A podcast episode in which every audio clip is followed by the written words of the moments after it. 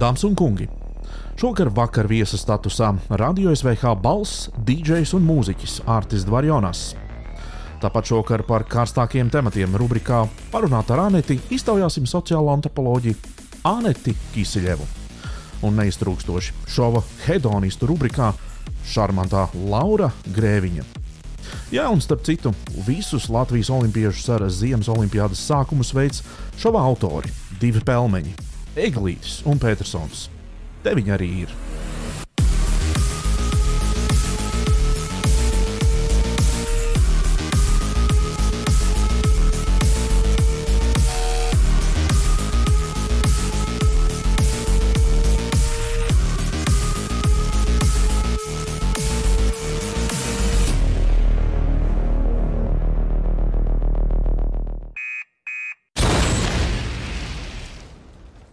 Nu, tad esiet sveicināti. Klau, 51. šovs. Es nedomāju, ka tas novilks arī 5 šovus, bet mēs esam 51. Tas nozīmē, ka pēc nedēļas mums būs daudz baltu dieniņu. La, la, la, la, la, la, la. Bet, jā, ja mēs eh, pagaidām gadā ir 52 nedēļas, vai ne? Jā, Tā ir. jā. Mēs neesam izlaiduši nevienu nedēļu. Nevienu. Apbrīnojam. Nevienu. Es atceros, ka vienā brīdī mēs gribējām mest plīnti krūmos, bet tas laikam bija pēc otrā, trešā raidījuma. Labi, tagad pagaidām mēs priecājamies par to, kas mums visiem ir. Nav omikrons, priecājamies. Uh, ir kompija brīva vieta, priecājamies. Un tas ir mans tagad nepatīkamākais pārsteigums eh, šajā nedēļā. Es pēkšņi atklāju, ka manā kompija ir turpat 60 gigas brīvas vietas. Es domāju, ko es esmu izmetis no darbiem ārā. Jo man tas baida, man nekad vairāk par kaut kādām 20 brīvām gigām uz kompja, nu, uz, uz reāli kompja nevis nav bijis. Nu, tur viss cietnis Nu, neskaidrs. kas tur atklājās beigās? Vēl es nezinu, es dzīvoju laimīgā neziņā, tāpēc es priecājos par 60 brīvām gigām uz kompja. Nu, kas ir ar, ar, ko bagāti par to priecājamies? Tā kā, kā tev nedēļa? Nu, jāsaka, darbīga, ļoti nu, tāda. Nu, pie datora vienkārši nosēdēja. Bet, kā tu redzi, es esmu sev mazliet apgleznojis. Man ir mazliet tehnoloģija, citi tagad uh, vairs nav tāds klusais, klusais mikrofons, ir jau kaut kāda mazliet nopietnāka tehnika. Jāsaka, kā ir. Tas ir par godu uh, diena pēc uh, dzimšanas dienai un arī, arī, arī šova dzimšanas dienai. Uh, mēs, kā saka, sevi apdāvinājām mazliet. Nu, tā kā, jā, varētu teikt, ka esam jā. to nopelnījuši. Cits neviens ne? mums dāvanīgs nedos, kāpēc lai paši sev kaut ko neuzdāvinātu, vai ne? Es domāju, ka mums arī ir jāpar, jāpareklamē nākamās nedēļas eh, raidījums, jo mums būs saruna ar nevienu citu kā uh, cilvēku, kurš ir atgriezies pēc gada, kā saka, pārtraukuma pie mums. Uh, tas ir neviens cits kā mārketinga guru un vairāku grāmatu autors un podkāstu um, tā kā bija. Man ir visādi vārdi. Respectable, uh, tā, bet ir remarkable. Remarkable. Remarkable people. people. Man patīk, ka Remarkable. tas saka, ka viņš ir atgriezies, jo viņš mums prasīja, Guys, Who kā guys? Guys, Jā. kā saki. Atgriezies. Who are you guys? Where are you from? Where are you from? Nē, tas, viņam, bija kaut kāds rīta, viņam bija kaut kāds rīta pizdings, tāpēc, ka nu, viņ, nu, mēs esam komunicējuši, mēs jau esam ār- ārpus, ārpus šova komunicējuši. Tā kā viņam vai nu vecums, vai kaut kas. Viņš nevarēja pieslēgties sākumā, kas, kas tie tādi ir.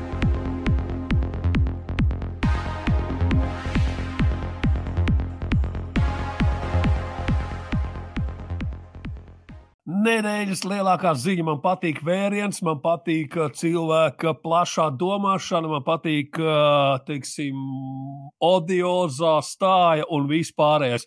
Es runāju par kādu iPhone gate. Tu noteikti esi dzirdējis, ka kāds uh, slavens vīrs ir pievācis sev iPhone. Sandrs Girģens, ejot no amata prom, izdomāja, ka jāpaņem iPhone. Es esmu sajūsmināts par šo vērienu, klausies, uh, jo uh, citi pievāc, es nezinu, rūpnīcu, kaut kādu tur uh, zemes gabalu brīvostā vai ne, kaut kur, kaut kur nu, gal galā dienesta automašīnu vai vīlu vai ko. Vismaz, Ko nu, es tā varētu, tas, tas nav tas, tas nav tas, tas kaut ko. Un, Un viņš savam līmenim, nu, KPV atbilstošā līmenī, viņš saka, ka es pievākšu iPhone. Kad jau tad jau? Ko es gribu teikt? Tu vari izdzīt džeku no KPV, bet tu nevari KPV no džeka izdzīt. Ārā tā kā uh, ģirģena kunga uh, vēriens man vienkārši visu nedēļu sajūsmina. iPhone, un tad vēl taisnojās, un tad vēl ņemās, un kā viņš saka, uh, uh, īsts džentlmenis, jo tai dāmai tagad reāli cietumsots draud. Nu, ne cietumsots, bet kaut kāds maksimāls Nu, sots. Tur, jā, jā, jā, jā. jā, par dokumentu viltošanu un ko. Braucis viņš nabaks ar moci, ir izkrīts, telefons saplīs. Ai, ai, ai, kāda nelaime, citējot vēl kādu slavenu vīru Latvijā. Ai, ai, ai, kāda nelaime. Tas sots. Tāda nelaime. Bļāviens! Sūda iPhone, come on, aizej uz līzingā, paņem jebkurā, Nezinu, mobilā tālu līdz ir no tavā.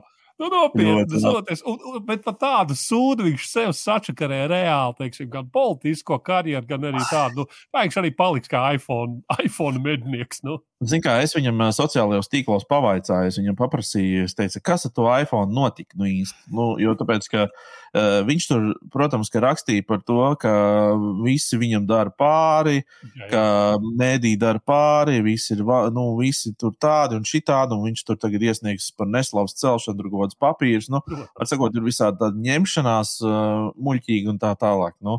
Uh, un, un, un izrādās, tagad, nu, es viņam prasu, nu, bet tu nevienā brīdī nepieminēji, kas ar to telefonu tur notika. Un viņš atbildēja vienā vārdā. Emocijas kritis, Nē, sadauzījies. viņš atb- atbildēja vienā vārdā - norakstīts. iPhone dēļ tu šitā sev sas, sas, vienkārši sačakarē karjeru un savu kaut kādu publisko tēlu. Un tagad, kad es redzēju, kaut, kaut, ka viņš atkal kaut kādu partiju dibinās vai kaut kur mēģinās uh, stāvēties iekšā, tad būs tas joks, zini, kā, uh, kā uh, televīzijā kaut kur rādīs ģirģēt, es teikšu, slēpiet iPhone, slēpiet savus iPhone, tūlīt, zin, ka nepievāc. Nākamajā nedēļā tiek atklāta depozīta sistēma Latvijā. Tas ir vēsturisks notikums, uz kuru mēs esam gājuši visu Latvijas neatkarības eh, posmu. Uh, Kopš 90. manuprāt, uh, par to ir runāts, ka vajag Jā. Latvijā depozīta sistēmu, jo redz, visā pasaulē tā esot. Un tā civilizētā pasaulē izrādās uh, tiek apstrādāti atkritumi un tiek otrais atgriezti apritē. Bet tad nāk politiskās partijas, pēc politiskās partijas nāk intereses, pēc interesēm. Tad uz kādu brīdi viss, protams, pazūd, jo ir jāvēl valdība, jā, jāvēl jauna saima, tad atkal ir krīze, tad, atkal, tad ir jāatlaiž saima, tad ir krīze, tad to nevar, tad šo nevar. Latvijas darba devēji, protams, ir visu laiku uzturējuši dienas kārtībā šo jautājumu par depozītu sistēmu. Nekas tajā virzienā nav noticis. Var sakot, vai nu lobbyis bijis pa īsu, vai nu interese nav bijusi pietiekami liela, vai nu kāds kādam vienmēr kāja līdz priekšā. Var sakot, 20 gadus mēs esam gājuši, un beidzot, š- 1. februārī šajā gadā Latvijā sāk darboties depozīta sistēma. Beidzot, varēs tu buļbuļs, pudeles nodot, kā saka, un viss būsim kā Eiropā. Beidzot, būsim kā Eiropā. Mhm. Nepagāja ne tur gadi. O, jā, es no savas puses gribu pieminēt, man piemērs veikalā, kuldīgā, tā, tā, tā kaste, kur varēs likt iekšā ar visādiem elektriskiem displejiem, stāv jau, man liekas, no pagājušā gada nogals. Labu laiku stāv. Vietējie bomži jau ir sajūsmā, viņi jau ir iztīrījuši visu pilsētu no visa kā, bet tie sūdi jau tādi, ka tie jau nedarbosies tas līdz šim viss, kas mēs esam patērējuši. Tad jālaidīs apritē jaunas, ko tās mašīnas var nolasīt savādāk. Tagad, nu, jebkurš izvilks no šķūņā ārā savus 20 gadus krātās tukšās pudeles. Jā, definē jaunu, jo patiesībā, te, ja tas ir kaut kādā ne, nu, netik tālā laikā, tu tehniski vari nodot. Jā, viss kārtībā, viņš tos svītra kods nolasīs. Protams, ka neviens no 90. gadiem nepieņems uh, vecās Pepsi. Uh, Tās ar krievu valodā, kur ir uzrakstīts. Piepsi. Pie- Nu, jā, tā piepsi. kā dārgie bezpajumtnieki, kur mums šobrīd skatās savos atžmiegtajos iPhone'os, nebūs. O, Nils, ak, Nils, ak, Niluška, Nils, ты mūsu, ты наш ненаглядный, brauc Tavs mājās, draugs. Хлебом солью угощаем. brauc mājās, draugs. Tevi gaida mazliet pasēdēšana, tu to sen esi pelnījis. Lietas tāda, ka beidzot prokuratūra ir uzrādījusi apsūdzību Nilam Ušakovam nu, krimināla lietā par aizliegtas video novērošanas ierīces glabāšanu. Protams, kā visi ļaunie spēki atkal pret Nilu ir sazvērējušies un visi viņi atkal, kā saka, pats stāviļi, ja? bet eh, tā tas nebūtu. Nav. Tā kā Nils brauc mājās. Pēc... Tu taču pats labi zini, ka uh, neviens nesēž pār video novērošanas, nereģistrētas un nelegālas video, tur kaut kādas uh, aprīkojumi, tur, ko tur, ko tur. Nu, no. nu nav tā. Nu, nav tā. Nu, neviens ne, nekad par to nav sēdējis un, un tā tālāk. Samaksās Protams, nē, bet tas sodu, ir sākums. Saprotiet, tas ir sākums. Pagaidām Nils tikai uz podu ir sēdējis par to, bet varētu būt sākums. Tas būtu labs, labs sākums, labs gribas izrādīšanas mazliet. Uh, pasēdēšanai un tā tālāk. Tā kā ar sālsmāļus sagaidīsim, Nīluši, ka brauc mājās. Tevi gaida. Starp citu, man liekas, ka drīz, drīzāk uh, tas viens interesants variants būs tagad pagājušajā nedēļā, ja šajā nedēļā izskanējusi ziņa par to, ka uh, viens no Nīla Ušakovā tuvākajiem tādiem konsultantiem un sekotājiem un biedriem uh, ir, uh, ir, ir pārņēmis uh, lielas teritorijas mežparkā. Un mm -hmm. ka tur pastāv patiesībā aizdomas, ka aiz tā viss stāv tavs nīlušs. Nu, jā, jā, jā. Es domāju, vairāk nekā šim video novērošanas sistēmu uh, lietai, es domāju, drīzāk pasakot uh, kaut kam šādam. Nē, ne par to. Jā, protams, ka par, par tādu mazu sūdiņu tur neviens nesēdēs.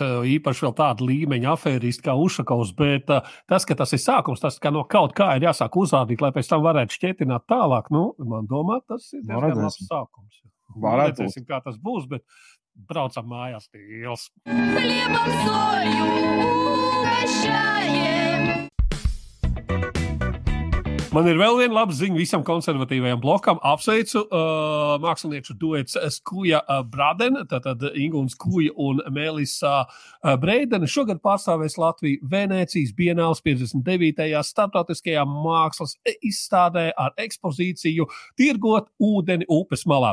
Tas viss ir ļoti forši, tas viss ir ļoti patīkami. Es pieļauju, ka konservatīviem atkal smadzenes uzsprāgs tajā brīdī, kad viņi ieraudzīs šo ekspozīciju, ka viņi ieraudzīs visu, kas tur ir. Tur ir baigi daudz visādi kaut kādi 300 plus tie porcelāna darbi, kur ir sākot no tur šī tāda zirnīša lielumā, beidzot ar, ar, ar, ar veselu tonu smagu objektu. Un tie objekti oh, jā. tādi, nu, Uh, kā lai tev pasakā, tu esi redzējis medijos, vai ne? Uh, tie ir nu, visādi. Tas ir gan kaut kas uh, saprotams uh, visiem, gan arī tas varētu atgādināt kaut kāds jau surreālisms un bišķī tā kā smaga drudžu murgus. Tā kā uh, konservatīvajiem es apsveicu atkal konservatīvo bloku un mākslas sapratējs. Jums atkal ir par ko spēt zemes gaisā, tāpēc kā Latvija uh, pastāvēs 59. Šitie Venecijas bienālē. Atkal atkal kaut kas tāds, kas, kas, kas, kas, uh, nu, tiksim, kas jums uh, reāli patīk. Tā kā mani sveicieni. Un, un tas bija mūsu kultūras korespondents Edgars Eglīts. Nu, cik var stāstīt? Cik var stāstīt? Mēdījos visu laiku ir ziņas par to, ka mīļie cilvēki uzmanieties no krāpniekiem. Tiek mēdījos rādīts un stāstīts viņu metodas, kā viņi zvana, kā viņi uzdodas par banku speciālistiem un kā viņi steidzina jūs. Ka uz steigu vienmēr, vienmēr mēs visi iekrītam. Ja? Ka steidz, steidzīgāk, ātrāk, ātrāk vajag izdarīt kaut ko, vajag izdarīt kaut ko tik līdz jūs jūtat, ka kāds jūs steidzina. Uh, jūs zinat, ka tas ir krāpnieks. Viss 100% garantija. Bankas ir izstāstījušas precīzi, kā viņas rīkojas, kādi ir protokoli, kāda ir visa. Ja? Un tāpat katru dienu kāds iekrīt, un te mēs lasām ziņu par to, kas cēsu pusē kādam senioram ir izkrāpti 100 tūkstoši eiro. Simt kā Un pie tā, kas ir inčīgi? Nu, kā inčīgi? Šis te, te, viņš ir vērsies tur jau policijā par to un tā tālāk. Un šī ir otrā reize, kad viņš pakāš milzīgu naudas summu, jo jau uh, pirms diviem gadiem viņš ir uzticējies kaut kādiem tādiem. Es saprotu, vienreiz tu vari iekrist un tā tālāk. Tev ir baigi smagā mācība. Toreiz policija kaut kā tur kaut ko tur, nezinu, būrās un gāja pie vudu burvīm un ko tikai ne. Dabūja kaut kādus tur 20 kā atpakaļ, bet viņš paņem un iep uzkāpt tam pašam grābeklim vēlreiz uz klausies. Jā. Varbūt Nu, viņam tad nevajag tos simt tūkstošus. Nu, varbūt viņam nē, nē, nevajag. vienkārši cilvēki ir pelnījuši. Viņi acīm redzot, ir arī savā ziņā pelnījuši kaut ko tādu. Nu, Nu, es nevienam slikti nevēlu, bet, bet uh, nu, muļķis pat baznīcā dabūs pērienu. Nevelti ir tāds tā. teiciens. Tā kā es domāju, ka varbūt tam džekam nemaz nevajag tos simt kā, un, un, un ja, ja viņš var divreiz iegrābties šitā, tad atkal zvanīt un čīkstēt un ņemties. Nu, ah, jā, pilnīgi piekrītu. Un vienkārši lieliski noformulēja muļķis arī baznīcā dabūs pērienu. Un pēdējā ziņa šajā reizē uh, no praktiskā latviešu plaukta. Klausies, kas ir noticis? Nekā baigas smieklīgā.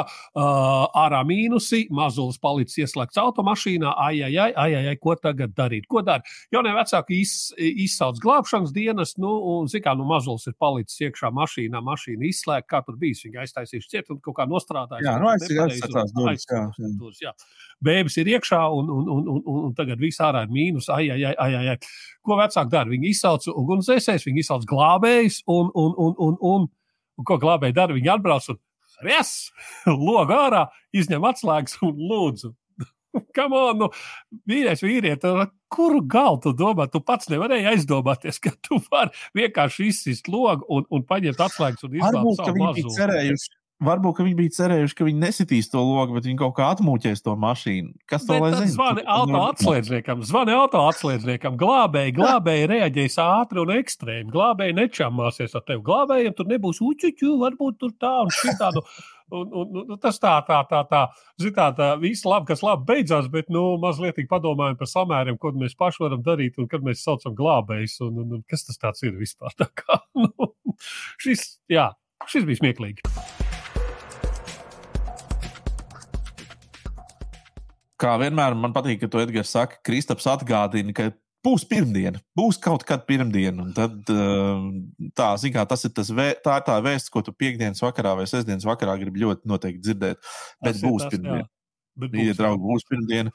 Un uh, mums atkal diena pēc uh, epizode ir ārā, jaunā ar um, Maksimu Jegorova interviju, kurā viņš izvaicās Neilu Kalniņu. Neils Kalniņš ir, es varētu teikt, viņš ir Latvijā viens no zinošākajiem 5G speciālistiem. Viņš ir, tāds, viņš ir tas, kurš arī, starp citu, um, fa- 5G teritorija ir Latvijā organizēta. Tas tāds liels pasākums, kur ir nu, digitālās pratības jautājumi, kur tur ir vesela rinda visādi tehnisku. Attīst, tehniskās attīstības un digitalizācijas, tur, kā saka, visas lietas. Un viņš, viņa saruna patiesībā nebūs ļoti uz tādu tehniku vērsta, viņa būs diezgan filozofiska. Es biju klāt šīs sarunas laikā, un es varu apgalvot, ka tā būs visiem ļoti interesanta. Viena no tēzēm, kas man palika prātā, ir tāda, ka, ka jautājums ir mūsdienu kara apstākļos, piemēram, ko tu sūtīsi karā, vai tu sūtīsi karā um, tos nu, tādus labi bruņotus armijas cilvēkus, vai tomēr šodienas laikā daudz efektīvāk uh, ir izmantot kiberarmijas. Nu, proti, cilvēkus, kuri prot programmē- programmēt, un kuri var, teiksim, varbūt um, daudz lielāks mēsls savārīt tev, uh, pārtraucot elektrības piegādes, bloķējot uh, maksājumu sistēmas un tā tālāk. Un tā tālāk. Ja? Tātad, kas ir lielāks posts? Vai lielāks posts ir apšaudīt ēku, uh, iznīcināt vienu arhīvu, nu, kaut kādu tur, ja, uzmest bumbu vai kaut ko tamlīdzīgu. Vai daudz lielāks posts ir, ka tu, saka, atslēdz, uh, atslēdz sakarus, ja, atslēdz internetu. Internets ir atslēgts. Infrastruktūra lielai pilsētai tādai. Nu. Puse biznesa aizverās Latvijā. Ja, ja nav interneta, iedomājieties, cik daudz uh, cilvēku in uz internetu ir balstījuši savu kritisko teiksim, nodarbošanos. Ja. Es par sevi to varu teikt. Ja. Nevienam nevajag mans pakalpojums tajā brīdī, kad internets beidzās. Es varu mierīgi sapakot mantiņus un doties uz laukiem kartupeļus uh, rakt. Viss. Ja, tā kā, tas ir Runā ļoti ir kā mācētu, bet ok. Nē, ka kartupeļus rakt. Nē, kas cits neatlikt. Ņemtu lāpas rokās, man liekas, kā reiz ir te augšā viena armijas lāps.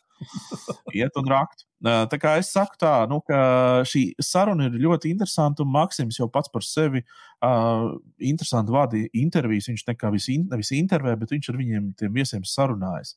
Un viņiem ir principā tāda apusēji ļoti uh, nu, tāda, tāda kvalitīva, laba saruna. Tā kā aicinu visus noskatīties pirmdienas epizodi. Tie, kas nepaspēja šajā nedēļā, var noskatīties vēl interviju ar uh, atkārtojumu interviju ar Egilu Levitu, valsts prezidentu. Mm, Tā joprojām mums, uh, mums ir pieejama. Tā kā, tā kā, nu, protams, šaus astoņos, un neaizmirstiet, 10. februārī ir jauns uh, raidieraksts. Uh, raidieraksts ar mani, Kristofru Petersonu. Sauksies Ā, jā, Medijā. tāds šovs Ba- vannā. Vai nē? Nu, nē, labāk, nē. O, nē. Šo jūs negribētu redzēt. Vārā to bildi. Vārā to bildi no savas prāta. Nevizualizējam, nevizualizējam. jā, jā, jā. Nevizualizējam. Nu, Tātad, jā, mediāna raidieraksts par ekonomiku, par finansēm, par, par uzņēmēju darbību. Var sakot, vesels divas stundas nedēļā. Turpmāk no dienas pēc būs jums saturs. Jā, tā kā sekojiet visam līdzi. Un galvenais, neaizmirstiet nākamajā reizē ieslēgt šovu astoņos, jo būs saruna ar Gaju Kavasaki. Ir, protams, daudz lietas, kuras mēs ziņās nevaram izrunāt. Tās ir tādas lielākas lietas. Jā, un mēs jau esam, protams, iepriekšējos šovos aizkāruši tematus par uh, to, kas notikt, ja Krievija nu, pavērstu, saka, stobrus arī uz Latvijas pusi. Protams, esam runājuši par lieliem elektrības rēķiniem, bet es domāju, tādu prasās tāds, tāds neliels tā kopsavilkums tam visam.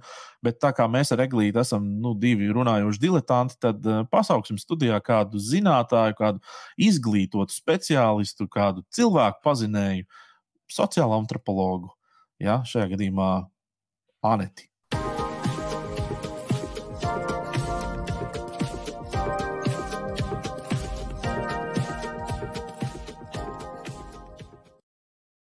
Un te nu viņa arī ir Anete. Čau, Anete! Sveiki. Oh. Nu tā, nu kā tev, kā tev omikrona dzīve, viss notiek, vai, vai, vai, vai, vai, ir, vai kā saka, uh, viss kārtībā? Nu, kā to ņem? Kā to ņem? Uh, Visu laiku notiek tāda spēles, kuģa spēlēšana. Gaida, kad būs trāpīts grims. O, jā. Aha. O, jā, man tieši tāda pati sajūta. ir. Tu ļoti precīzi noraksturoji. Tur ir tā, ka viss apkārt tev ir jau salikts, un tu gaidi, ka pēdējais būs Jā, tavējs. vairs jau nav. Jā, Mm. Nu jā, mums šodien, protams, ir visādas aktualitātes, ko mēs ar tevi labprāt gribētu izrunāt. Un, un, un, un tā jautājums ir nu, tā par, mm, par, par to, vai tevi uztrauc tas, kas notiek šobrīd uz Krievijas-Ukrainas uh, robežas. Vai tev ir kaut kādas pārdomas par to? Un, Un, un tā, jo es Twitterī vienā brīdī iegāju un noķēru nereālu paniku, tad es gāju ārā un sapratu, ka nav jau tik traki. Un tad atkal, teiksim, paklausos kaut kādas vienas viedokļus, un tur amerikāņus, un tad atkal uzdzen sev šausmas, un tā visu laiku viļņojos. Kā ir tev? Man īstenībā ir identiski. Man ir bijuši tādi pāris vakari, kad es nu, ieiešu Twitterī, palasīšu, kas jauns, kas notiek, kaut kādas analīzes un ko raksta amerikāņi. Un man ir tieši tāpat, un es lasu un es jūtu, ka man kāp pulss, un tas vienkārši vienā brīdī vairs nav veselīgi, un ir jāsāk jau dozēt un skatīties, cik daudz es to informāciju patērēju. Uh, bet, jā, protams, man tas uztrauc, bet es arī cenšos tam pieiet tā mazliet. Um, analītiski, jo nu, pēc pirmās izglītības es esmu politologs, ja jūs to nezināt. un eh, es cenšos nelaist to paniku pārāk tālu, jo es vienmēr atceros, ka viena no tām lietām, ko man mācīja, ir, eh, ka tā centrāla ideja ir, ja tu gribi mieru, ir jāgatavojas karam.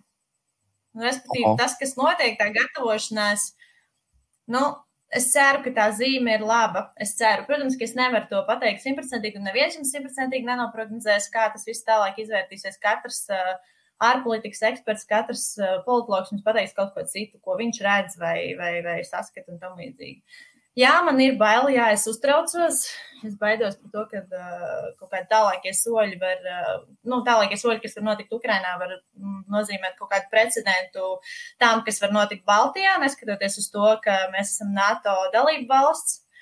Jo izskatās, ka tā vienotība NATO dalību valsts starpā nav tik stabila, kā mēs bijām iedomājušies. Bet nu, pēdējās mm. ziņas par Vāciju, par to, ka Vācija tomēr ir gatava to Nord Stream kloķi mazliet izmantot uh, rietumu labā, liecina par to, ka nu, varbūt ka kaut kas tomēr sakustēsies pareizajā virzienā. Bet nu, nekas nav garantēts. Jā, jo manā, manā ieskatā atkal Krievija vienkārši ļoti labi testē. Viņi tā pa tādam mazam solītim, pa tādam pussolītim, Jā. pussolītim kaut ko dara. Nu tā, un tā pa, paiet un pastāv, paskatās. O, viss kārtībā. Paiet, atkal pastāv, paskatās. Un tad tā mhm. Ukraina, tu ļoti labi pateici, tāds precedents, ja tur kaut kas notiek, un neviens tā ļoti uz to kā, nu, pievērs acis un nereaģēs tā kā īstenībā, kā, kā ar Krīmu notika. Ja? Nu, tad uh, tas, tas, tas ir tas.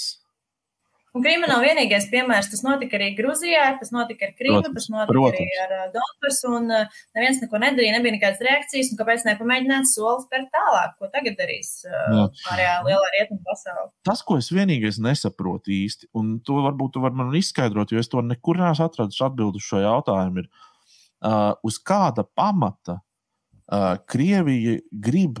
Uh, tajā Ukrainā kaut ko darīt, uzsākt to darbību. Jo, jo es skatos, nu, tā, ka nav jau tā, ka, piemēram, kāds ir no NATO teicis, ka mēs iebruksim Krievijā. Neviens jau nav teiksim, tādā veidā apdraudējis. Jā, protams, armija ir novietota, kara bāzes ir novietotas, kuģi ir novietoti, bet viņi tur stāv.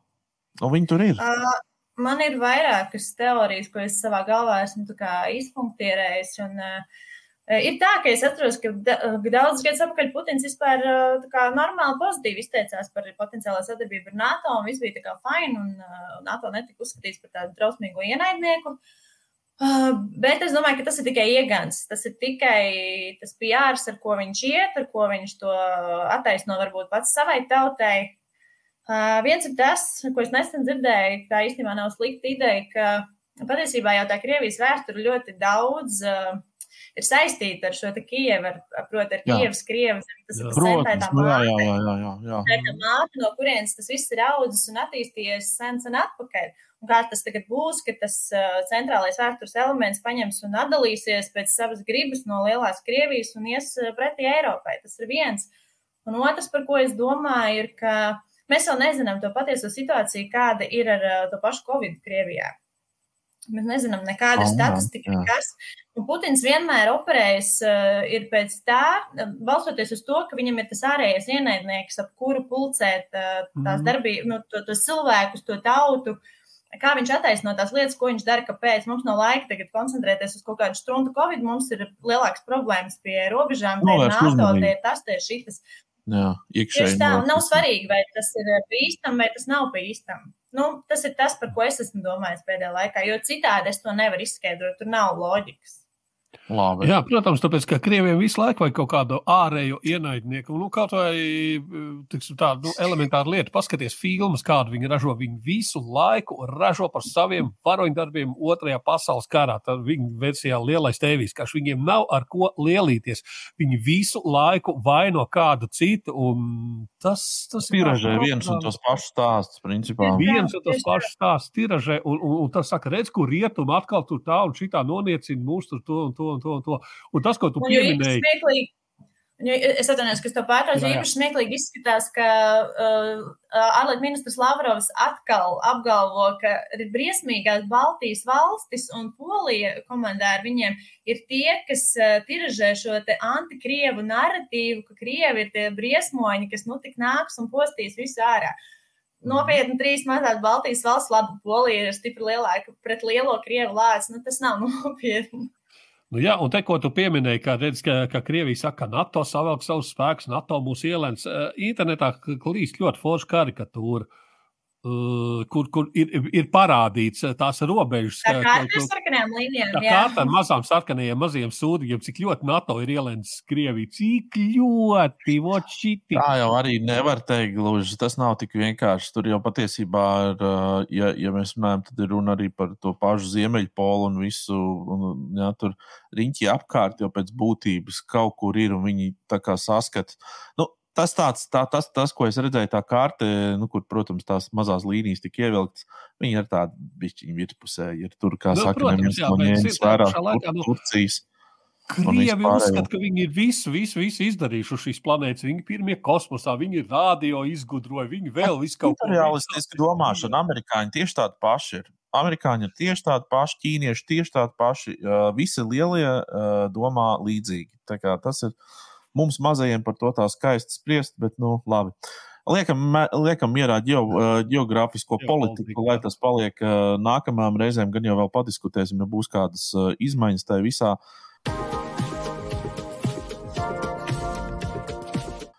Edgars, tev ir jautājums par, par komunālo saimniecību. Jā, elektrības rēķini ieraudzīja šonadēļ, nu šomēnes, šogad. Šogad, jā, pēdējie divi rēķini man īpaši neiepriecināja, bet uh, elektrība manī, manī neuztrauc tik daudz, kā man uztrauc apkura un vispār komunālo, komunālās, nevis komunālās, bet vispār apsaimniekošanas rēķini, kas no Rīgas un pārvaldnieku puses tā sākumā nemanāmi tika mesti virsū bez nekādiem iepriekšējiem paziņojumiem. Kas vajag neizpaužās, neprādās mājas labbūtībā, teiksim tā, un tad es ieraudzīju apkurs rēķinu un kopā ar elektrības rēķiniem, jā, ir kā ir. Nekas Nu, tā- iepriecinošs. Rīgas nama pārvaldnieks tā kā Krievija lēnām pārņem, vai ne? Solīt, solīt, solīt, un tad Jā. ā, re, kur mēs esam. Diemžēl, jā, tā ir. Kā tev šķiet, pieradīsim pie tām cenām, vai, vai, vai kā tas, ka, ka, kas būs? Latvijas ies ielās? es zinu atbildi. Es domāju, ka nē. Es domāju, ka nē, Latvijas kurnēs dīvainā. Bet uh, es nezinu, godīgi sakot, es nezinu, kā cilvēki vispār spēs uh, normāli pārlaist šo ziemu, jo viņi vēl ne tuvu nav beigusies, un labi ir palikuši ruprēķi no divi mēneši. Nezinu, kāds būs aprīlis, bet uh, nu, tā ziema jau atkal pienāks ļoti ātri, un es tiešām nezinu, kā cilvēki ar tādiem vidējiem ienākumiem spēja visu šo pavilkt un apmaksāt gan elektrību, Mhm. gan apkuri, gan pieaugušās pārtikas cenas, jo elektrība un jau nav vienīgais, ar ko ir jārēķinās Mhm. šobrīd. Skaties, uh, te tagad uzvedamā tā, tā, tā, tā asociācija ķēdīte. Kaut kāds laiks paies, un mēs skatīsimies uz uh, šīm cenām, domāsim, ah, kas tad tad nekaitē. Nu, tā kā mēs tagad skatāmies, es nezinu, uz trīs kapeiku tramvaju uh, biļeti 90. vai kaut ko tādu, un, un, un, un nu, kā, kā, kā tev šķiet pēc pieciem gadiem? tā būs. situācija? Būs, būs tā. Tā arī būs, tā arī būs. Ne, nu, cerams, ka tas būs tā, tāpēc, ka varbūt augsts kaut kāda vidēja ienākuma vai kas. Bet es ļoti labi atceros, ka es pati desmit gadus, aizbrau, desmit gadus atpakaļ atbraucu uz Somiju un ieraudzīju tur degvielas cenas. Man likās ārprāts, šausmas, kā es tagad dzīvošu, vai es vispār varēšu ar mašīnu pārvietoties. Un tad tā cena par 95. benzīnu bija, ja nemaldos, eiro 50 kaut kas. un tagad Ok. okay. mēs, jā, ok, normāli. mēs tādas pašas cenas šobrīd izjūtam šeit. Aha. Ja zini, kā skaties, uh, nav tālu baigi, piemēram, jāmeklē uh, kaut kāda tāda nostalģija, ko tu atceries, oh, kādas cenas, bet uh, ir viena baiga būtiskā lieta, ko neviens neatcerās pēdiņās, vai negrib, vai, vai vienkārši ir izslēguši kolektīvo apziņu, ka tie ienākumi. Es arī ar Petersonu varam atcerēties, kā tur vietējā krogā, kuldīgā kādreiz užauga saules kausa krogā maksāja 45 santīmi. Uh, ko mēs esam aizmirsuši, ka man mēneša alga tobrīd bija nepilna 50 paturpinot uh, par šo te. Mm, Zini, kā man ir tas, uz ko es varbūt lieku liek, varbūt tādu uzsvaru, ir, ka uh, labi, tagad tās ir uh, e- enerģijas cenas, bet īstenībā enerģija nozīmē produktu saražošanu. Nu, Tas nozīmē, jā. produkti kļūs dārgāk, pakalpojumi kļūs Tieši tā. dārgāk. Tas nozīmē, ka vispār ķēde tur ies uz priekšu. Tā, tu, tu kaut ko tādu. Nu, paņem, paņem viņu, kā saka, klāt. Nu, jā, vo. Jā, čau! Mierīgi. Jā, tā varam. Nu, jā, un, un, un tas nozīmē, ka. Uh, tas nozīmē, ka vienkārši tas viss iet pa ķēdī un, un, un, un tā. tā kā... Čau! čau. Tu bērns izaugs, par ko tā māma cepās toreiz, ka bija tik lēts elektrības, tik mazs elektrības rēķins, tik lēti produkti un tik lēta degviela. Ko tā māma tu toreiz par ko uztraucās? Tā jā. Jā, Jā, bet nu, Jā. tā ir, ka tās produktu cenas jau tagad ir jau jūtami dārgākas. Grīķi vairs nav tik lēti kā pandēmijas pirmajā vilnī. o, jā. Tā ir, tā ir. jā. Trendā. Nu, Mēs vēl tā. Tu, uh, starp citu, Anna, tu, tu kaut ko sakosi līdzi. tu sakos līdzi Ziemas olimpiādei, vai tu, tu šoreiz laidīsi garām to visu? Es gribētu paskatīties, jā, bet es, mēs tieši nesen runājām, ka kaut kā ir sanācis tā, ka tā olimpiāda tā ļoti klusa un nemām jau ir pietuvojusies, un īsti nav tas hypes, kas parasti ir, nav tas prieks un tā, tās gaidas, jā, jā. ka būs forši. Un, Daudz kas no, no Covid, protams, to visu pabojājas. Gan arī tas, ka NHL nelaiž savus spēlētājus, gan arī citu olimpiešu jā. iespējas ierobežotās piedalīties. Tā, bet, nu, skatīšos, domāju, ka skatīšos. Jā. Redz, Jā, nu, tas jau arī ir tāpēc, ka Ķīna un Ķīna varbūt nav tā baigta demokrātiskākā valsts uz, uz, uz pasaules. Tas mazliet atgādina 80. gada, 80. gada Olimpiāda Maskavā, kur principā visa pasaule nepiedalījās un teiks, savā burbulī kaut kādu tādu sauc to par olimpiādu, bet principā tā bija Spartakiāda. Nu, kaut kas tāds, tā kā tu saki. Man liekas, tev pašai visu laiku ir viena vienīga olimpiāda saistībā ar visiem. Tu esi svarcelšanā, ne? Tev nav svarcelšanas kategorijā iedot ceļzīmu uz olimpiādu. Arī nerviem ir svarcelšanas. Nervu olimpiādi. Kurš vairāk iztur? Kurš var vairāk izturēt ar smaidu sejā? Anīt, mēs tev, kā saka, um, uh, sūtam sveicienus un, uh, un, un ģimenei sūtam sveicienus, lai visiem veselība ir un pieturās. Un, kā Paldies, saka, tev, arī. Um, Palieciet jā, negatīvi. Palieciet jā, mēs negatīvi. paliksim negatīvi. Centīsimies palikt cik vien varēsim būt. Nu, šādas negatīvas nots mēs no tevis atvadamies un tiksimies atkal kādreiz pacepties kaut kur. Jā. Tā. tā.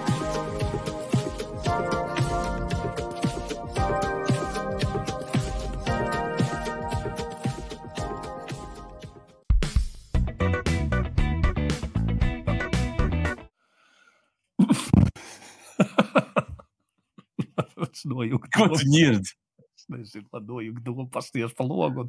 Un, man, do, man doma šodien ir vienkārši pastos pa logu. Sniegs, sniegs, domāju, o, sniegs, sniegs. Viss kārtībā. uh, ar ko es vispār es gribēju teikt laiks pusdienas pārtraukumam.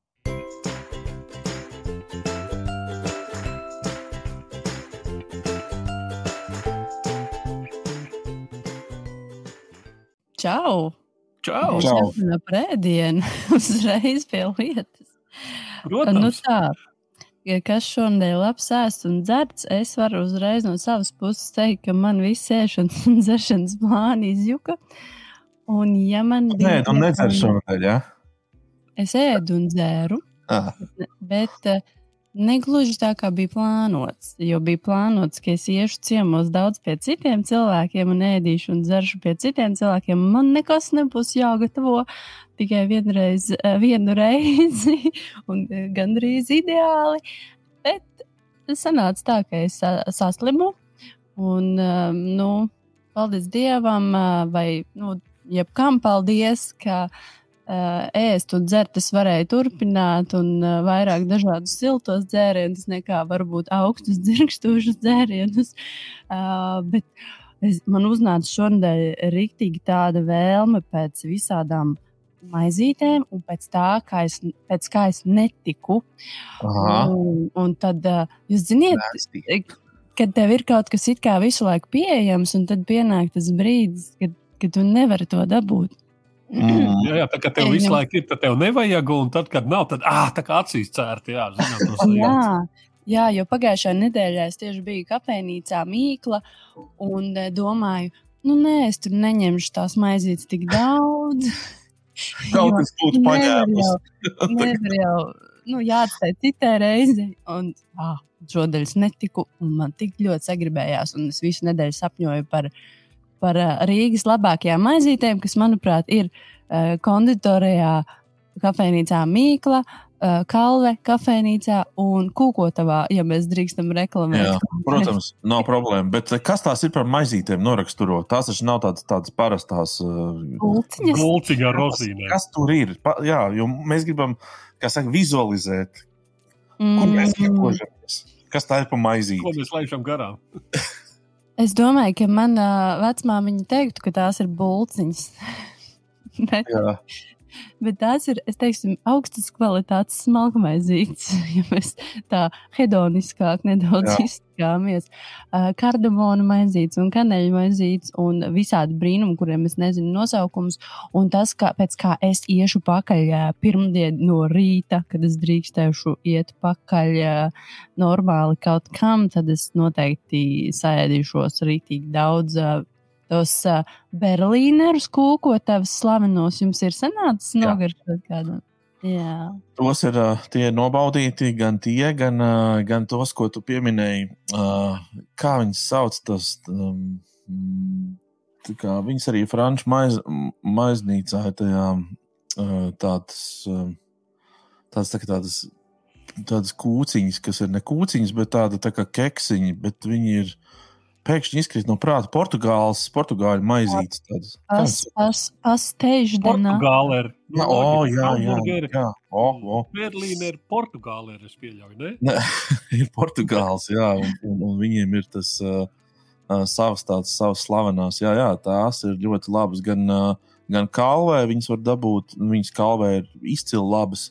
Un mm. -hmm. uh, franču maiznīcā ir uh, ok, ar, arī, nu, bet nu, ne tā kā kalvē. Kalvē tur, tur ir, kā saka, viss kā vajag. Bet man Jā, ir aizliegts ēst šogad uh, maizītes un būciņas. Es sev esmu to aizliedzis, un man visi apkārtēji ir aizlieguši. un Ir, ir visiem pavēlēts šaut uz mani, nebrīdinot, ja ir kāds redz mani rokās ar būciņu. vienkārši Viņš vienkārši Ok. okay. uzkāpa uz svariem pēc jaunā gada un svaru parādīja. Kā, kā kuldīgā ar smalkmaizītēm. Kolīgai forša smalkmaizītē mums ir tāda uh, marmelāde. mm, Salīdzinoši jauns, nu, ir sma, uh, smalkmaizīts un tā, bet arī es uh, laika apstākļu dēļ es vēl neesmu uzdrošinājies izvilkties ārā pārāk tālu, uh, jo ir slidotavs un tā tālāk. Uh, ir, ir, ir, ir daudz foršas vietas. Nu, kā jau kuldīgā problēma ir tāda, ka tās vietas atverās un pēc kaut kāda maza brīdi viņas jau ir cieta. Un, ja tā uh, samirkšķina acis, tu reizēm pat nepamani, ka kāda vieta ir paspējusi atvērties un aizvērties. Tā, tā ir problēma mazpilsētās, bet ir kaut kādas dažas stabilas vietas, un uh, nāks uh, laiks noteikti pastāstīšu vairāk, kas un kā gudīgi iegriezt. Runājot par, kuldīgas, runājot par kuldīgas maizītēm, man prātā nāk divas, divas kategorijas.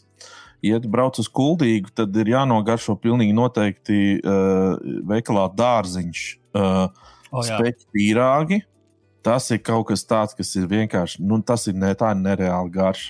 Un, un otrs ir kaut kur, ja tur var atrast, ir tie sklandrauši, kas ir uh, vairāk tas alsungas, uh, uh, alšvangas. Uh, vairs. ēdiens.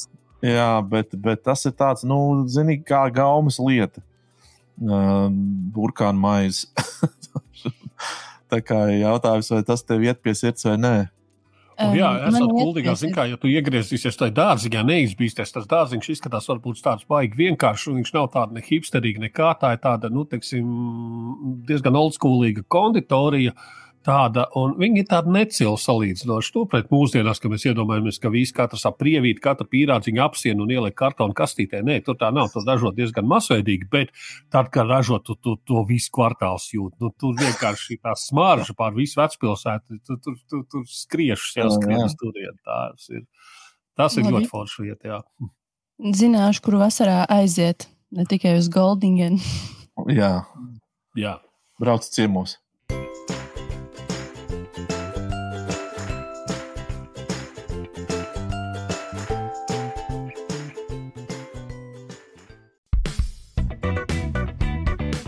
Un laiks vakar viesim, un vakar viesis ir mūsu teiksim, tā, diezgan regulārs viesis. Gan uh, mūsu ekrānos, un jūsu ekrānos, gan arī pie auskausa reizēm šādi un tad. Tā kā es domāju, Jūs viņu gan biežāk dzirdat radio. Jā, Artis Dvarjonas, kurš bija arī pirmais viesis mums. Jā, uh, Viņš ir mūsu pirmais viesis. Mhm. Oh, super. Tā kā mēs parunāsim, kas no tā brīža līdz šim brīdim atkal jauns.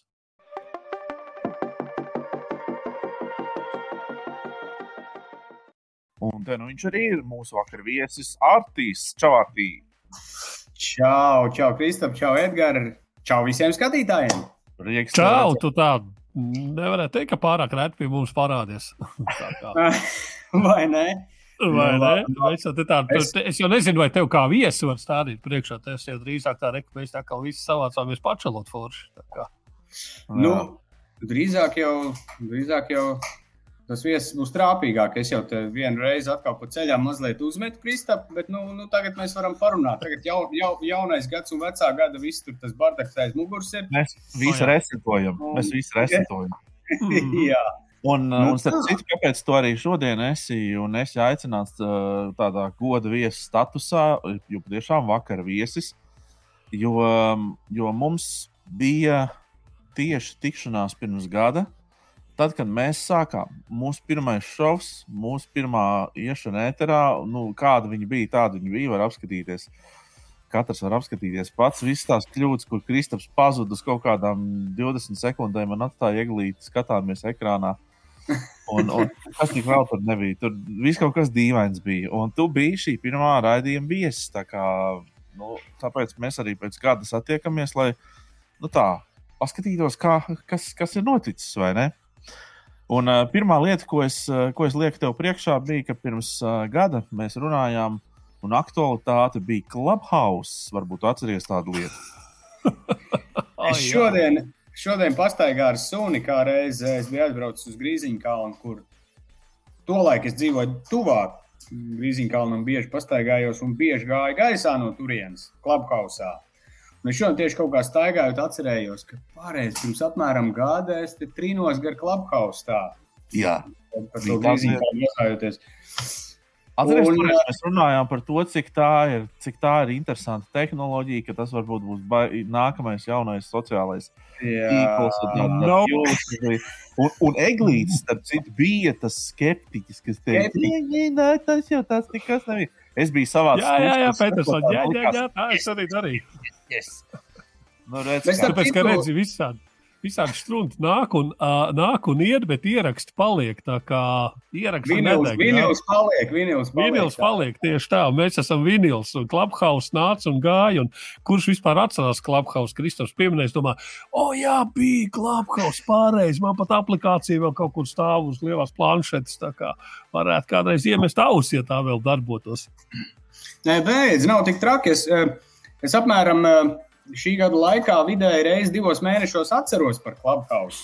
Un tad es pavaru vaļā reizi divos mēnešos ar eh, domu, "A, varbūt ir kāds latviešu bu- burziņš tur. Un es atveru, un, protams, ka nekad nav. Bet, uh, es biju viens no, nu, es domāju, ka patinot atpakaļ to pirmo raidījumu, noskatoties, uh, tas ļoti labi nolasās, ka es biju viens no Clubhouse uh, faniem sākotnēji. Un, uh, man tiešām likās, ka tas ir next big thing. Un, uh, Bet uh, arī tolaik jau manu paziņu vidū bija, bija skeptiķi. Starp citu, man interesē, uh, Eglīt, pa, Eglīt pastāst, ka, tātad, uh, kur slēpās tavs skepsis pirms gada? Kāpēc tu biji skeptisks? Tāpēc, ka A nebija ieraksta funkcija, B bija pietiekami daudz visādi dafigā, visādi tīkli, kur var izpausties gan video formātos, gan visādos veidos. Mana skepse vairāk bija tajā, ka tas ir tiešais ēters, ka tev ir tieši tajā brīdī jāpieslēdzas. Tas nav tā kā TikTokā tu šķirs un skaties, kad tev ienāk prātā vai patina atpakaļ. Tas nav Twitter, kur tu vari līniju patīt atpakaļ. Tas ir tieši tajā brīdī, tajā laikā un šitajā laikmetā, ka visi mēs varam podkāstus patīt atpakaļ, klausīties un kā tā tālāk. Jā. Uh, man likās, ka tas uh, varētu, nu, varbūt tas varētu kā hype aiziet, bet, uh, nu, Nu, nē, nu, man, es biju diezgan skeptisks par to tieši tāpēc, ka tas ir uh, real-time kaut kāds uh, gadgets, kurš, kurš, kurš tev vajag ir jānotrāpa. Un, ja tu tur ne, nepaspēji, tad tu nu, pussarunā Mhm. mm -hmm. ieliec to, es neko nesaprotu. Bet redz, tur man, man, man atkal šķiet, un daudziem šķiet, ka tā tieši bija Clubhouse stiprā puse, un tas bija tas, bija tieši, tas, bija tas foršais, manuprāt. Uh, nu, tas saucamais fear of missing out, ja, kuru daudz piedzīvoja un sēdēja Clubhouse tikai tādēļ, vien, lai nepalaistu kaut ko garām. Un, un, uh, starp citu, tad, kad uh, oficiāli jau nebija ierakstu funkcija, bet tiklīdz cilvēki iemanījās, iemanījās uh, ierakstīt šīs sarunas, tad uh, uh, liela daļa auditorijas jau tad noplaks, starp citu, un tas daudziem nepatika. Jo, jo, jo tā platforma tomēr sākumā nolasījās kā tāda brīvas izpausmes platforma, Jā. kur pateiktais arī aiziet gaisā. Un, uh, Mhm. un tu, tu tādējādi vari paust, uh, ļoti iespējams, respektīvi, tu drošāk uzvedies.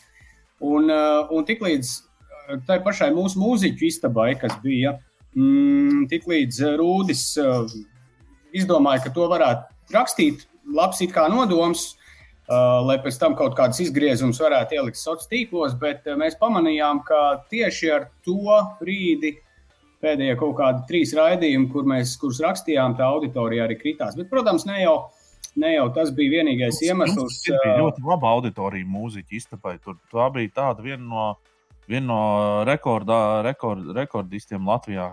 Un varbūt vēl va, Valda Valtera istabs bija tur kaut kāds dažs tāds. Oh. es nezināju, kas skanēs.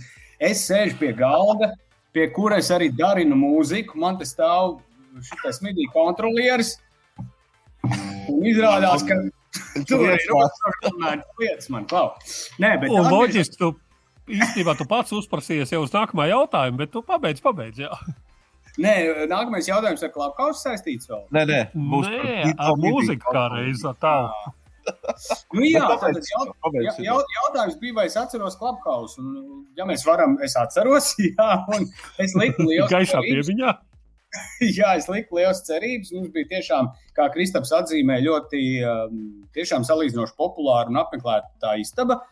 Un, un, un tā, bet un tad vienkārši nāca vasara, un cilvēki varēja biedroties reālajā dzīvē. Rimās pandēmija, nāca vasara, visi ārā pie auss glāzes varēja biedroties. Tāpat klapkauts vairs nebija vasarā nevienam vajadzīgs. Arī tāpēc mēs savu muziķu istabu aizklapējām ciet, jo, jo pēkšņi astoņos vakarā vēl spīd saule, kāds klapkauts, nu visi iet ielās kaut kur, vai ne? Un, Jā.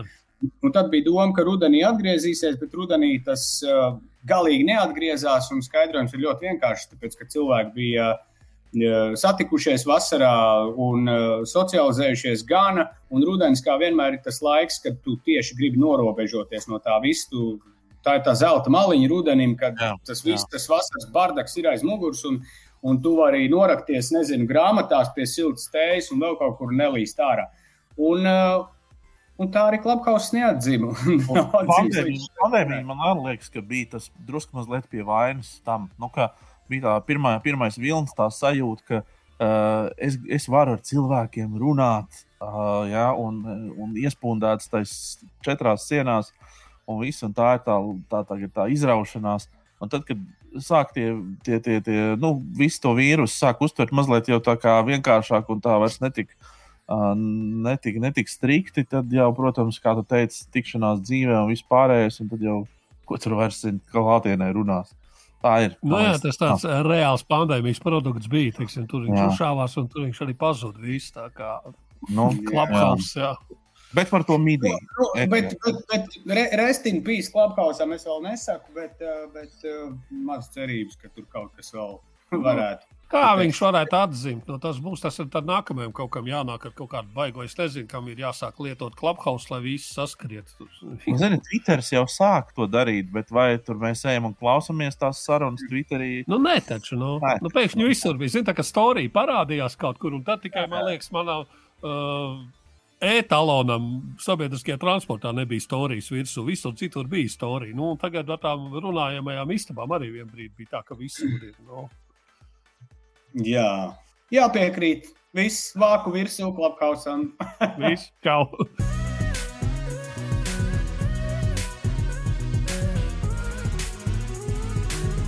Labs ir, bet tagad par to midiju klausies. Tu tur spiedzi, no. spiedzi visādus. Tu nu, stāsti, ko tu esi saspaidījis pa gada laikā. Vai tu tikai spēlējies? jo pagājušajā gadā tu viņu atrādīji. Tas bija pagājušajā gadā. Skaidri atceros. Tu biji skaidrā un tu atceries. tu vēl mazliet biji skaidrā, bet atceros. uh, nu, jūs gribat rezumējumu tādu, tātad, kā man ir gājis ar, to, ar tām mūzikas lietām. Jā, es šķiet, tas bija pirmais vai kaut kāds otrais raidījums, kurā es viesojos, kad es stāstīju. Man liekas, pirmais. Jā, ka es esmu apņēmies tagad darināt mūziku mājās, un, un tas tā arī ir. Uh, tad pirmā ātrā atbilde ir, ka, protams, ka dzīvē viss nenotiek tik ātri, kā gribētos. Jo, jo tas ir mans pagaidām vēl hobijs, un ir darbi un, un pienākumi. Un tie bieži vien aizēno un nomāca nomāc lietas. Man ir bijušas, teiksim, gada laikā tādas vairākas pauzītes, divas divu mēnešu pauzes, un garākā man bija tagad principā gada beigās. Tā kā nu, man tur bija dažas pārmaiņas dzīvē, un bija jāremontē dzīvoklis, un vēl viss kaut kas, vēl viss kaut kas tāds. Jā, tā ir kaut kādas tādas lietas sakarīgas, ja ne, nevis tikai jāsaka. Jā, jā, jā. Un, un, un es esmu viens no tiem cilvēkiem, es sarakstījos uh, savu kādreizējo grupas biedru, tā, tā, tā, apvienībā Reina brīdī, un viņš saka, nu, bet tas taču nekas var taču atrast stundiņu dienā un piesēst. Un tad es sapratu, nē, es tā nevaru. Man ir, ir divi dažādi droši vien cilvēki, kas, kas ar tām radošām lietām tā, nu, darbojās. Man, man ir tā, ka man tiešām vajag noskaņoties, man vajag sajust, ka es esmu all-in, kā saka, tajā visā procesā, un ka viss pārējais, man visas ikdienas lietas, man ir sekundārs. Nu, kaut kādā periodā, kad es kaut ko komponēju vai tā esmu. Tiklīdz uh, man ir dzīvē bardaks apkārt ar visu kaut ko citu, tad uh, es nevaru tā uz stundu piesaisties. Manā gadījumā tas tā nestrādā. Es, uh, es pierakstu kaut kādas idejas, uh, voice memo, ja tajā aplikācijā, piemēram, iedungoju un tam līdzīgi. Bet, uh, Tāpēc, ka tad, kad tu piesēdies un tu sāc kaut ko darīt, pirmkārt, tas prasa ļoti daudz laika, tas ierauj iekšā. Tā kā man tas ļoti patīk, es nejūtu vispār, kā laiks palido. Un, un ja tev ir kaut kas paralēli ļoti svarīgs vēl darāms, tad, tad ir tā, ka tev ir visādas idejas, kuras tev pēkšņi ir jāprauj vienkārši, jo tev jāiet nezinu, tas un tas. Un... Bet, tā kā, pats, kā, Bet tu, vai tu pats sev lietas tagad kaut kādus uh, mērķus un uh, termiņus uz priekšu, tu pats sev atmeti to? Nu, tagad es baidos mazliet likt, jo mēs, es, es atceros, mēs pagājušā pavasarī, tas bija šķiet kāds aprīļa, aprīļa mēnesis, mēs ar tevi gar jūru staigājām un ar mūsu dāmām, un es teicu, ka nu, tādā ideālā pasaulē pagājušā gada aprīlī es teicu, ka būtu forši šo pavasari nākt ārā no skapja un parādīt, ko es, ko es mājās esmu sagrabinājis. Uh, nu, tas pavasaris tūlīt ir klāts, un uh, jāsaka, godīgi, ka es ne tuvu vēl neesmu tam, lai, lai, lai, lai kaut ko rādītu. Un, uh, tiesa, diezgan, diezgan ražīgs tas gads ir bijis. Jā, teiksim. Man ir uh, jau tiešām vairāk tādi noklāpti demo, nu, jau zem desmit demo gabaliem, pavisam noteikti. Daļu es vispār. Oh, tad jau patiesībā tu esi tālu ticis. un, un, un, nu, jā, un tad, tad Tagad es baidos likt kaut kādus termiņus. Protams, gribētos, gribētos šogad, lai kaut kas notiek. Droši vien, ka tagad no šī brīža pozīcijām skatoties, reālākais varētu būt rudens, bet nu, redzēs, redzēs kā, kā, kā, kā, kā viss notiks. Jo, jo, jo, jo vairāk tu raksti tu, tos gabalus, jo kritiskāks tu paliec tādā nozīmē, ka, ah, pagaidi, tev tagad sāk jau nu, parādīties iespēja atsijāt, atsijāt vājākos, teiksim, un tad tu sāc Paga. Un šis ir daudziem, starp citu, arī nu, lielākiem, mazākiem meistariem albumus rakstot. Bieži vien ir tas, ka nu, man kā ir pietiekami daudz dziesmu albumam, varētu rakstīt iekšā, izdot, un tad šķiet, nē, nē, bet tur kaut kas, kaut kas pietrūkst, vai vēl viena balāde, vai, vai vēl kaut ko tādu, vai, vai kaut ko tādu. Un, un man liekas, ka man vēl viens labāks, te vēl viena labāka ideja bija, un tā tu visu laiku. Es ļoti ceru, ka es uh, neieraušu bindemanismā, ko mēs arī jau aprunājām savulaik. oh. kuram, kuram 11 gadus šķiet, nu jau albums to, bet, um, bet uh, jā, nu, es, es vēl biju, biju pie saviem draugiem, producentiem, dažiem arī atrādīt šo to, un, uh, un viņiem bija savu komentāru, un viņi iedeva virzienu, kurā, kurā man rakta tālāk. Tā kā tā, kā tā nu, es esmu, paldies Dievam, pēc atkal pāris mēnešu pauzes atgriezies pie virpus, un viss notiek tagad. Cool.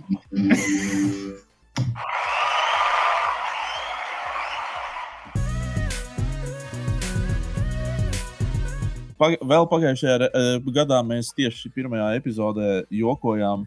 Uh, pa, tad, kad mēs nu, pabeidzām sarunu, tad bija tāds joks par to, ko tu dāvinās savai sievietei Valentīna dienā. Tad bija, nu, kad uh, nu, tā vakcīnu. Tā kā vajadzētu. Es gribētu tos vakcīnu. Tā kā, jā. jā, jā, tā kā varētu uzdāvināt. Nu jau, nu jau visiem ir pa trijām, nu tie, kur vēlās sev uzdāvināt.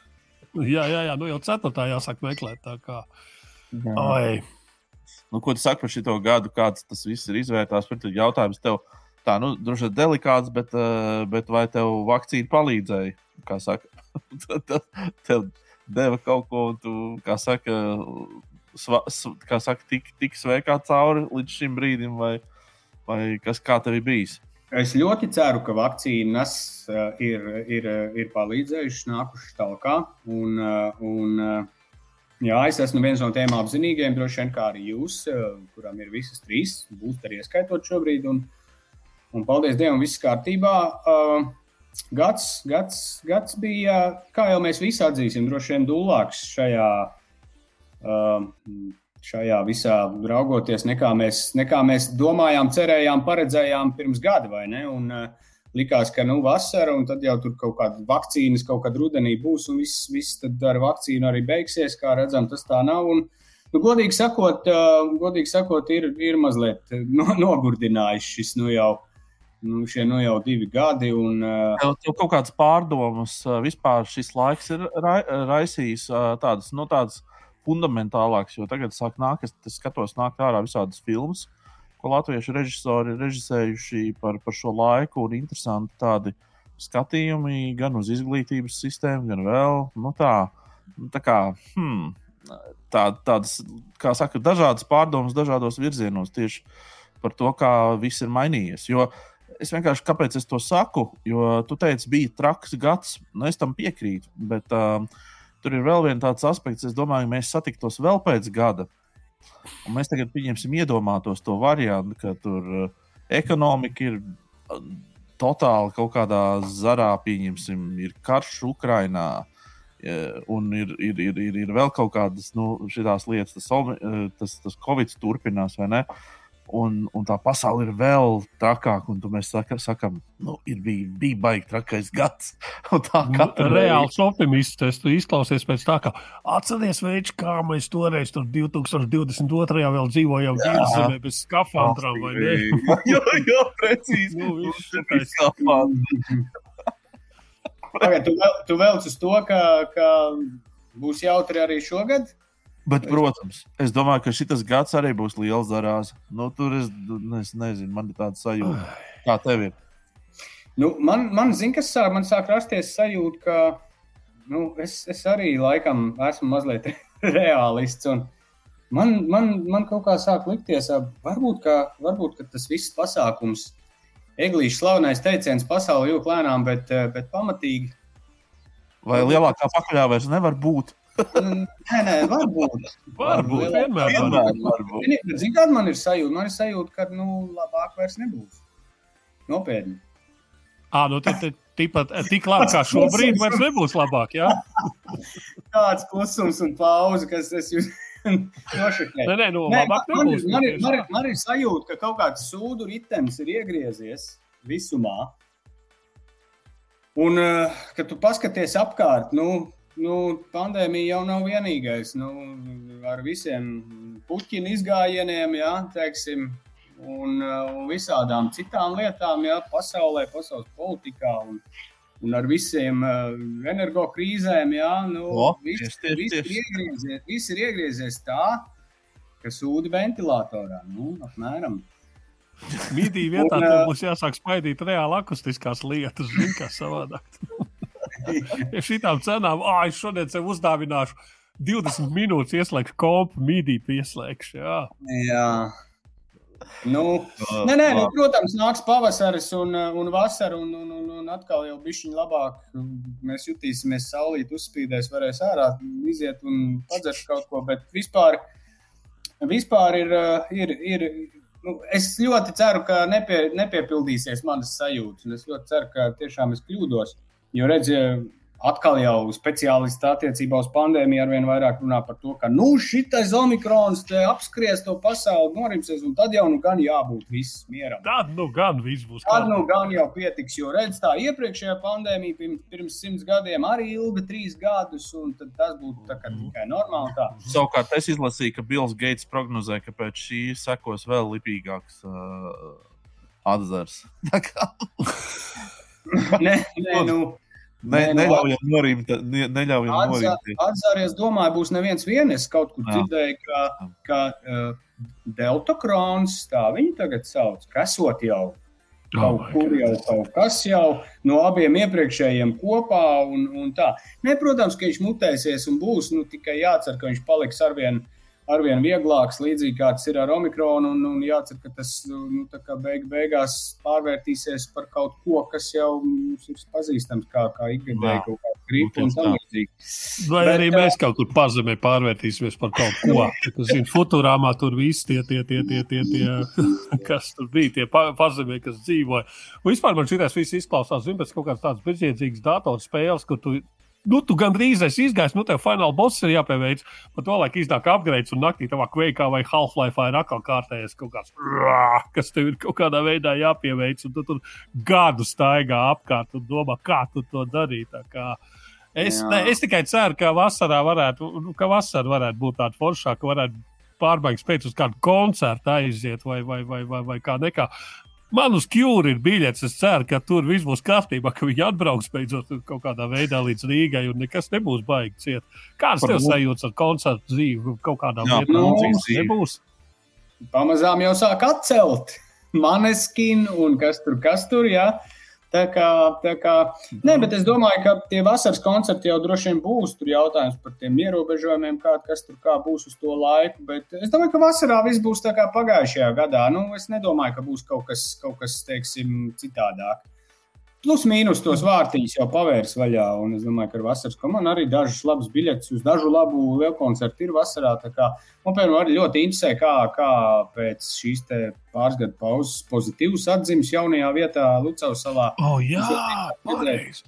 Klau, mēs ar Petersonu izdomājām, ka mēs neiesim. Tas ir pārāk hipsterīgi, ne pārāk komfortabli, pārāk tuvu, pārāk vienkārši aiziet un aiziet pēc tam mājās gulēt. Ja tu neesi nedēļu no, novārtījies dubļos, uh, Pērēkā pilnā peltī, vienās un tais pašās drēbēs. Kas tas par festivālu, vai ne? Jā.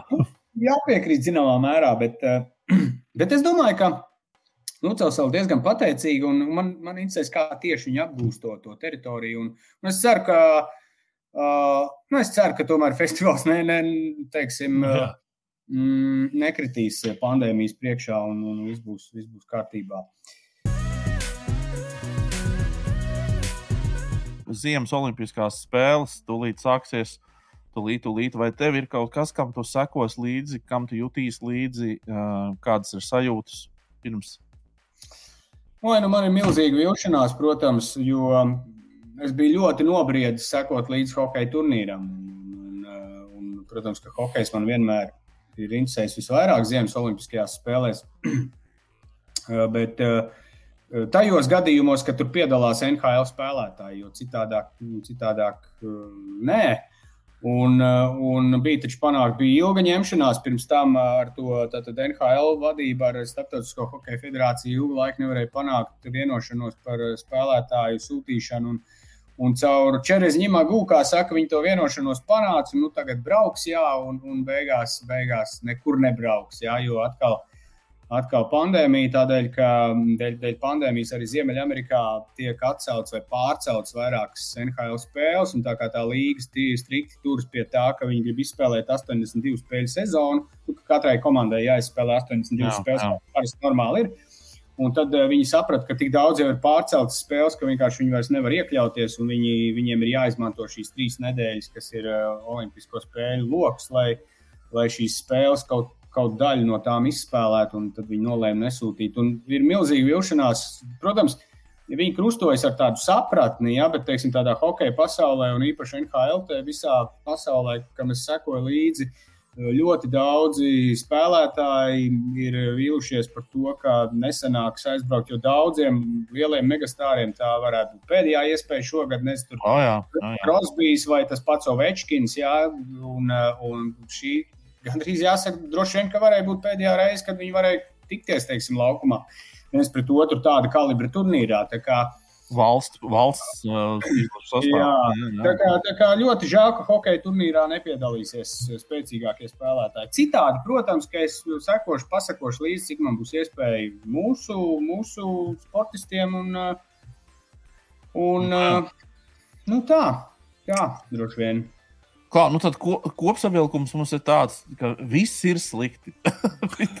bet gaidām vasaru, varbūt uzspīdēs saule, iesim ārā. kā tu teici, kaut ko padzerties un tā. Nu, Nu, Kā jā, jā, jā, jā.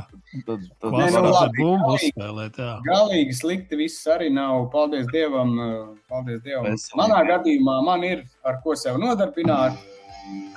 Viss kārtībā.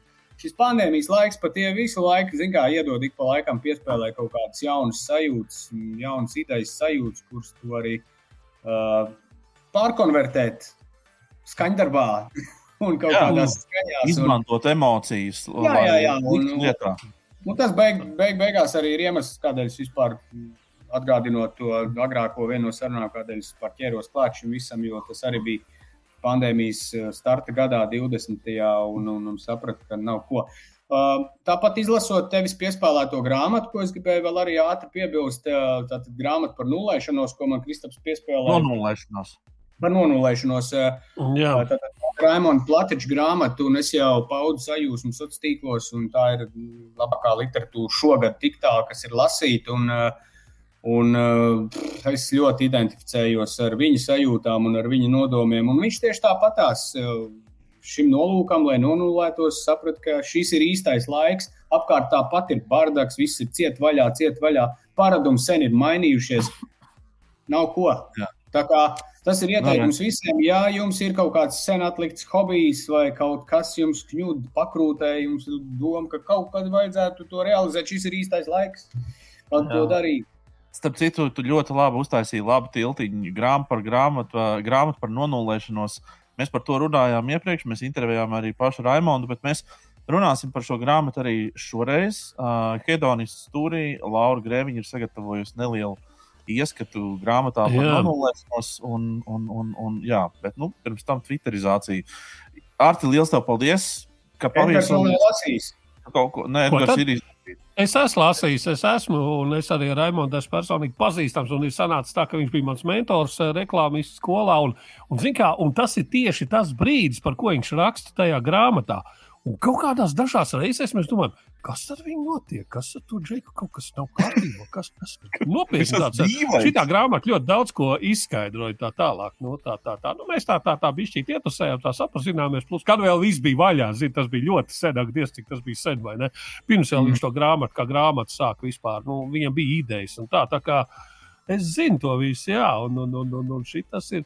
Vienīgais, kas man bail, ka tagad viss asociēsies ar to, ka visi tagad izlasīs Raimonda grāmatu un teiks, oh, jā, I feel you, bro. Bet, nu, paši nekad to neizdarīs. Nu, ai, nē, man ir komforta zona, es taču neiešu tagad. uh, Nē, protams, protams. Un, kā Ra- Raimons jau ļoti radikāli to izdarīja. un Tāpēc Nu, es jā. arī vēl paudu sociālos tīklos. Paldies viņam par drosmi, drosmi uh, tiešām to izdarīt un parādīt citiem piemēru. Jo es savā dzīvē arī, Kristaps, ir liecinieks uh, kaut kādā mērā. Es bišķi, panulējies šobrīd, jā, dažos aspektos. Bet, bet tieši tā, nu, tur vajag lielu dušu, lai spērtu tik placo, kā to darīja Raimons. Tā kā- Tas gan, jā. Pamaziņam. Viņš ievilkām, viņš ievilkām. Pamaziņiem, pamaziņiem. Mēs tev gaidām ne, ne, ne tā kā pēc gada, kaut kur pa vidu arī, eh, kā saka, eh, pieskaņojamies, saskaņojamies, un tad novēl, novēlam, es domāju, mēs ar Eglītu kopā to novēlam, lai kaut kas ap to laiku, kad mēs nākamreiz tiekamies, jau ir mazliet piešķīlies muzikālajā. eh, Jā, jā, pirmatskaņojums. Jā. Piešķīlēs jau ir, bet lai būtu kaut kas jau lielāks. Jā, es jā. jums savukārt novēlu laimīgu jauno gadu, jūsu raidījumu jauno gadu. Ja? Paldies! Etlais. Jums jau ir, jums ir jauni reku mikrofoni, jaunas gaismas, jūs izskatāties daudz labāk. Nekā pirmajā raidījumā, pilnīgi. Gan, jā. Tā, un, un es jums novēlu arī šādu progresu, un lai jūs, uh, Super, jūs rādat paldies. arī lielākās televīzijās. Un, Tas ir ļoti jauki. Ūdeņos, jā? Labi, tas tā. Labi, Jā. paldies tev! Tā.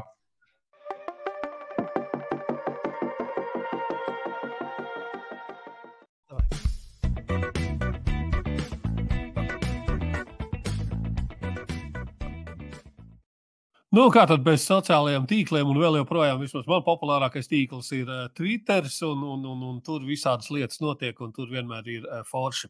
Sākšu ar rēbusu, vai tu vari iedomāties, kas atminēt šo rēbusu? Tātad, uh, ko mēs redzam? Mēs redzam lielu miskastes maisu, mēs redzam mazāk miskastes maisu ar sarkanu bantīti, mēs redzam sarkanu guļamaisu, un mēs redzam lielāku sarkanu, lielāku zilu guļamaisu. Vai tu vari atminēt šo rēbusu? Kā, kā, kā, kas tas ir?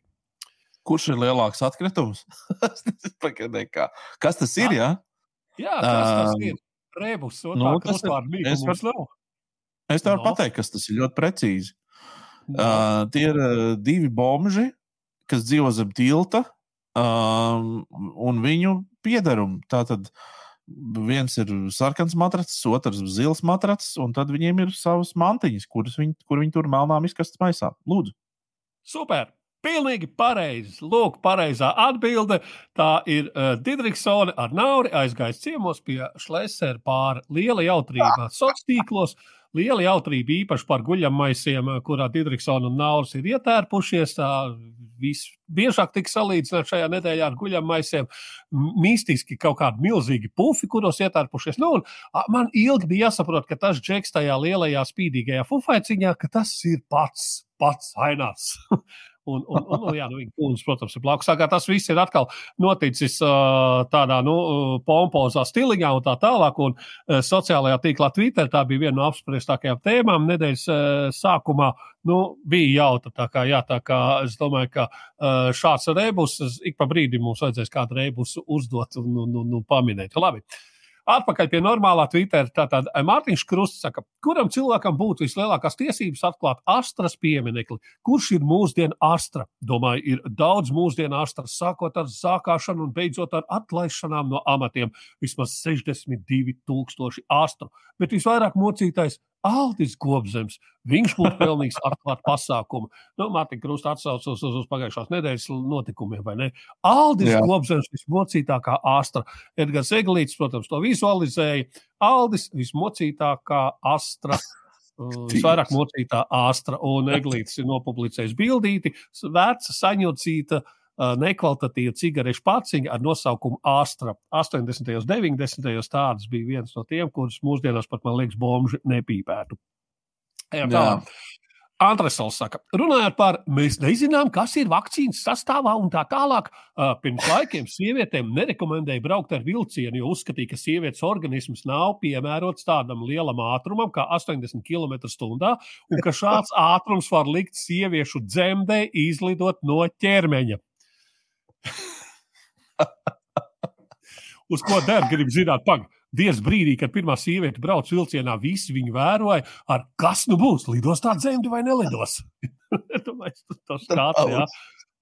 Antras valsts atbild to gan es nezinu. Līdzīgi kā ar 5G protestiem 2021. gadā, arī tālajos aizlaikos, kad sāka likt radiotorņus, tika uzskatīts, ka tie izraisa slimības un arī neražas un tā tālāk, uz ko Agnēs Vēzis vienkārši brīnās. Aha! Un Antrasovs turpina, jā, iedomājies, un mums ir mūsdienīga medicīna, attīstīta zinātne, bet te sauja ļaužu tic, ka tēsēni ārstē Covid. Jā, nu tā. ko Labi. tur piebilst? Ko tur piebilst? Vadims Felsenbachers. Felsenbachers. Felsenbachers. Jā, Jā Vadims Felsenbachers. Es, klusums. Bolčofers, klusums. Es, klusums. Bolčofers, klusums. Es, klusums. Bolčofers, klusums. Piecas zvaigznes. Ideāls. Ideāli. Tā, Ideāli. Tas ir vislabākais dialogs. Jā, laižot tālāk. Cūrika. Mokoši šorīt skatīties, kā rīta panorāma cepina Krišāns Kariņš uz sitienu pateikt, kādas tad tagad vajagot slimības lapas A vai B. Reāli nav žurnālistiem sajēgas, kas ir ierēģi, kas ir ministri un kas ir ministru prezidenta līmenis, kādas atbildības jomas. Un Linda turpina. Cilvēki klausās un domā, re, neko tas politiķis nezina. Bet tas tā nav. Tas ir kā TV diktoram prasīt, kas tad jums tur ar tām gaismām un kameras novietojam, un kad viņš nezina sašust, kā, kā jūs varat nezināt, jūs esat vienā studijā. Nu, jāsaka, Jā, precīzi. Oi, kā es piekrītu šim. Tas Jā. Ir žurnālistu īstenībā tāda neprofesionālitāte. Un es pat neteiktu arī ne tikai žurnālistu, bet arī nu, producentu, redaktoru.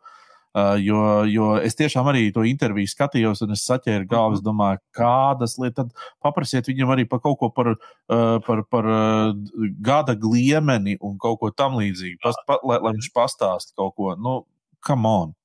Nu, jā, Es piekrītu. Es pilnīgi piekrītu. Pilnīgi. Jautājamies tālāk. LV Čīvs saka, vientuļajiem un nelaimīgajiem Twitter puišiem ieteikt aiziet revakcinēties uz Ķīpsals hāli. Zemesardzes, meitenes, dakteris, meitenes, meitmāsas, meitenes, policistas, meitenes, sportistas, runātīgas. Tagad tur var veiksmīgāk iepazīties nekā tad, kad tur notika koncerti. Visus ķīpes. Ideāli. Ideāli. Paula Petersona. Pēdējos vakars UNO vietā spēlējām antigēnu testus. Uzvar visi, kam negatīvs. UNO teātrāli klieks tas, kuram pirmajam būs pozitīvs. Es esmu tiesnesis. Kliedz, ja kociņš nav iebāzts pietiekami dziļi un ja veidojas gaisa burbulis. Zane. Biznesa valodā esmu uzsākusi ar viņiem sarunas. Nozīmē, ka es uzrakstīju viņiem e-pastu, uz kuru nesaņēmu atbildi. Homo sapiens. Mammai bija lieliska pieredze dzirdot tramvajā, ka blakus esoša sieviete pa telefonu stāsta, ka viņai ir pozitīvs Covid-19 tests. Forši. Uz ko Ulrichs Ziedņš piebilst, šis ir labs arī gadījumiem, ja tev kāds apsēžas blakus, bet vēlies pabūt viens. Tā kā būs jāiemēģina kādreiz. Lai jau tālāk, Sandris Točs, oh, my God! Piedodiet, bet notiekošais izskatās pēc Krievijas ievilināšanas karā, radot pārliecību, ka būs viegli uzvar. Nu, točs točs. Uz ko kurbats viņa komentē? Tu stāv pie Sandras sētas ar rungu rokā, ik pa laikam pa cauri dēļ starpai iečurā pagalmā un uzbrēc pieprasot atvērt vārtiņus, lai var iet pagalmā arī nolikt kluci. Kad Sandrs to neļauj, ar nožēlu secina, es gribēju mieru, bet rādās, ka diemžēl tu gribi man ievilināt kautiņā. Renārs Liepiņš. Čau, kā iet? Be, slimoja ar covid. Ah, no, hei, Klau, tev ir parokai koms, var man fiks atsūtīt vienu failu. Nav, zinām, situācija. Pilnīgi kājas. Pilnīgi. Čau, kā iet? Ah, nu, ja klausies, nu, var fiks vienu failu sačinīt. Ja? Nu, un tad, tad, tad pēdējais, uh, ne, pirmspēdējais. Uh, Vilhelms, uh, Vilhelms uh, Meisters. Es nezinu, vai ir kāds vārds, kur pēdējā laikā es dzirdu biežāk kā ilgtspēja. Uz ko Reinis atbild, narratīvs arī diezgan topā šobrīd ir. Jaudīgs gan strauji krīt. Un Vilhelms nosacīja, es nezinu, cik jaudīgs ir šis ilgspējas narratīvs. Un pēdējais Pēters Ozols saka, gribas aizbraukt uz Prāgu. Tie ir tā, iečehoties. Iečehoties. Tas man viss. Daudzu ilgi gaidītā rubrika ir klāta. Uh, mazais hedonists stūrītis ar Eglīti Petersonu un Grēviņu.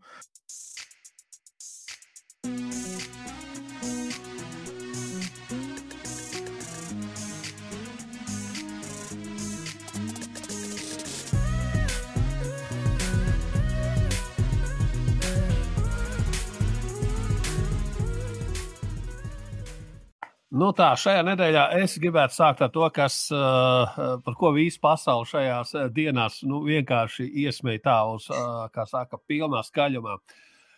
Mēs visi zinām leģendāro Davida Finčera dzies, dziesmu, ne filmu uh, Fight Club, vai ne? Esat taču redzējuši. Jā, protams. Nu, protams atceramies beigas, atceramies beigas, ka apgalmē varoņi, nu, Mārla un, un, un Edvards Nortons varonis stāvēja, skatījās pa logu, kā viss lēnām uzsprāgst un tā tālāk. Kā jūs domājat, kas ir noticis Ķīnā? Ķīnā Fight Clubam šajās dienās ir parādījusies jauna alternatīvā uh, nobeiguma versija. Tad, tad, tad, kad viss sprāgs, tad, kad, ne, tad, kad viņi tur stāv, tad, kad viņi tur runājās, pēkšņi ir kāds un parādās burvīgs uzraksts, ka lūdzu, labā, labā valdība un uh, dienesti atšifrēja, kur ir vainīgie, novērsa sprādzienus, visi ir skaisti, visi sliktie tika arestēti, Tailers tika aizsūtīts uz kaut kādu uh, psiheni, no kuras tika izlaists ārā vien 2012. gadā. Tā tad ir jauna Ķīna alternatīvā versija šai. Un jāsaka, ka internets par to ļoti iesmēja, un lūk, vēl visādas versijas, viena no manām mīļākajām. Tātad, kas notika pēc tam? Jā, tātad, šis Edvards Nortons varonis kļuva par pasauli nu, ļoti vispār mīlētu skautu vadītāju, vai ne? Uh, Teilers samācījās itāļu valodā, aizbrauca, aizceļoja atpakaļ laikā, lai nogalinātu Hitleru. Savukārt uh, Marla atgriezās Hogvartā un ieviesa sev pāris jaunus draugus. Nu, tā kā par šādu versiju, ka jaunā Fight Club versija Ķīnā, nu, vienkārši cilvēki iesmēja uz pilnu klapi šobrīd. Šis, jā, šis ik pa laikam ir, starp citu, jo arī Titanikam ķīnieši ir izdomājuši alternatīvu no, no nobeigumu. Okay. Varbūt stāstīs par to, ja ne? Nu, nē, tas citreiz. Okay. Uz 14. tas tā kā tuvāk, zin, tā kā nāks Valentīna diena, kad būs Titanika rādījis. Nu, lūk, un uh, lai viss liktos vēl jocīgāk, te ir tāda ķīniešu koncerns Tencent, uh, kurš tur nosaka visādas tur tās lietas, kas tur piedalās ar līdzfinansējumu daudzās amerikāņu filmās, un viņi tagad ko ir paziņojuši? Viņi ir paziņojuši, ka turpmāk uh, vienkārši nelaidīs cauri filmas, kurās ir uh, melnādaina aktieri. Es saprotu, to jau arī viņus plakātiem jau viss melnādainos aktierus jau, jau, jau, nu, teiksim, photoshopē ārā un tā tālāk. Un uzmanību, un vēl netiks cauri filmas, kurās būs sievietes ar mazām krūtīm. Oh, my! Ķīnieši. Jums ārprāts. Nu, Laura, tev ir izdevies paskatīties tomēr kaut ko no Ozarkiem? Nē, Ilgi domāju, bet uh, nesanāca vēl. Jā, atstāj to uz kādu citu laiku. citām lietām. Nu, ko, Kristap, nu, ko mēs varam teikt? Tu nobinžoji, noskatījies. Es visu? visu noskatījos, jā, pa, pateicoties tev, es tiku, tiku arī līdz galam. Jo līdz ceturtajai sērijai noskatījos, man likās, kas tā pa sēņu zupa ir. Nu, kā var tā vilkt? Tas seriāls jau tā ir lēns. Mhm. Uh, Tātad, ja runa ir par Ozarku, tad, tad pavisam ātri tā, tā ir ģimene, kur nonāk, uh, um, nonāk uh, Amerikas kaut kādos laukos, pie ezera, pie Ozarka az- ezera. Uh, apkārt tur ir, var sakot, nu, kārtīgi lauki, ir kārtīgiem lauku iedzīvotājiem, un uh, viņi ir naudas atmazgātāji Meksikāņu kartelim. Un um, ceturtā sezona, varētu teikt, tā, jā, sākās ļoti gausi. Nu, piektajā sērijā tika uzņemts mazliet temps. Uh, un es neteiktu, ka not- notika kaut kādas lielas pārmaiņas. Es biju gaidījis, ka nu, tur sprāgs un kas tur notiks, bet, uh, bet nu, tā uz, uzņēma tempu, un tad jau kaut kā līdz beigām arī tika. Nu, tā, Jā, noskatījos. nu, man arī bija līdzīgi pie ceturtās. Es domāju, eh, kam on, nu, jāmet ir miers. Un es palasu Twitterī ar hashtag Ozarkas, un es redzu, ka visa pasaule saka, kas notiek, kur ir mūsu Ozarks. Un tad piektajā kaut kā, kaut kā sekšana parādījās. Nu. Tā kā jā, gaidām nākamo daļu, un, un tāpēc trīs mēnešiem šķiet būs neātrāk. tā Kā, uh, bet šī ir noslēguma sezona, vai ne, Kristā? Jā, es tā Jā. Saprotu, un, un gala beigās Rekulaura arī paspēs. Tad, ja trīs mēneši ir, tad viņi paspēs, kā saka, piedzīt.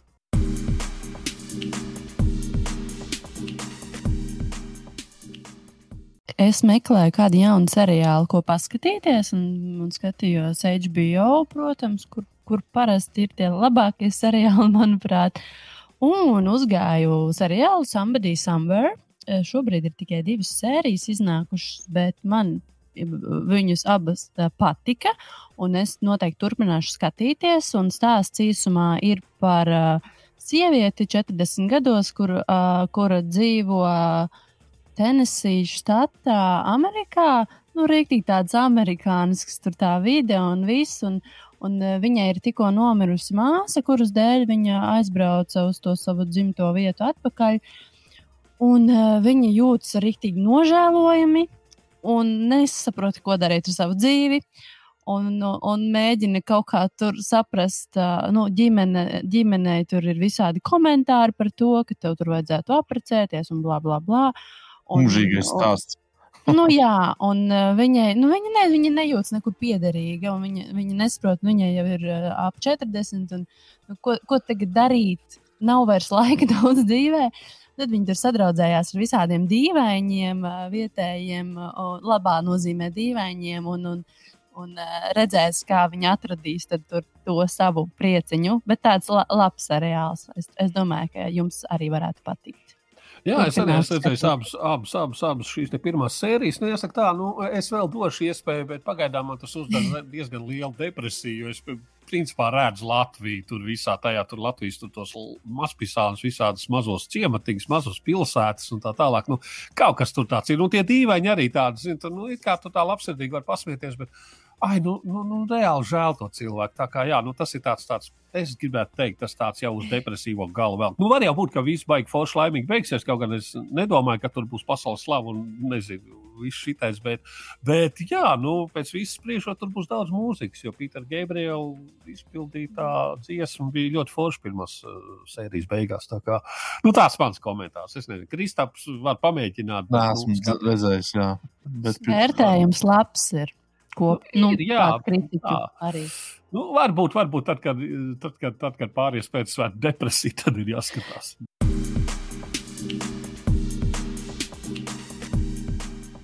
Uh, ja par depresiju runājam, tad rekrutē ir viena depresija kārtīgi. Uh, Afterlife uh, jau trešo sezonu Rikijs Gervais, ne viņš, bet viņa attēlotais varonis sēro pēc mūžībā aizgājušas, aizgājušās sievas. Uh, var sakot, šis ir stāsts par uh, vīrieti, kurš tā arī ne, netiek pāri uh, šīm sērām. Uh, un jau trešo, trešo sezonu pēc kārtas viņš to dara katrā sērijā. Uh, Un jāsaka, es tā pirmo sēriju noskatījos, var sakot, tas diezgan tumši. Tā ka visu laiku tu ir, ir, ir, ir, ir, cerība, un tad pašās beigās viņš tomēr atkrīt atpakaļ tajā savā.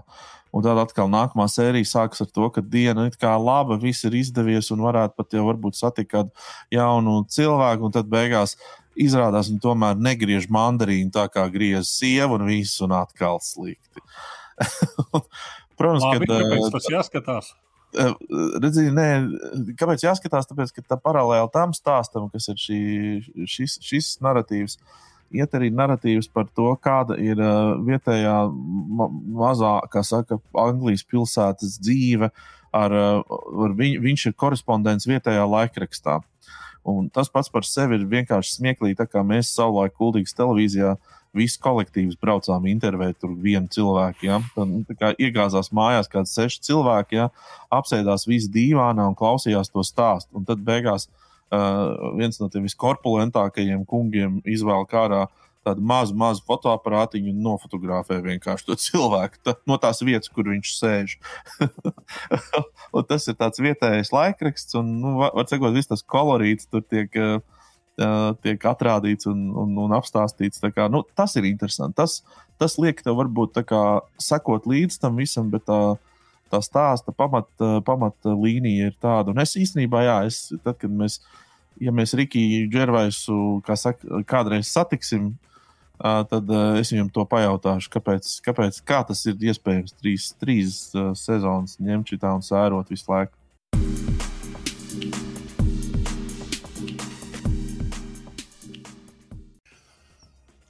Mm, filma, ko es noskatījos, ko, koda, kā vispār izrunā kodu, nezinu. ah, tas bija kaut kāds kods kaut kam, kas. Jā, um, uh, jā noskatījos Apple TV pārmaiņas pēc kaut ko arī es. Uh, ļoti īstenībā vienkārša filma par meiteni, kura aug nedzirdīgā ģimenē.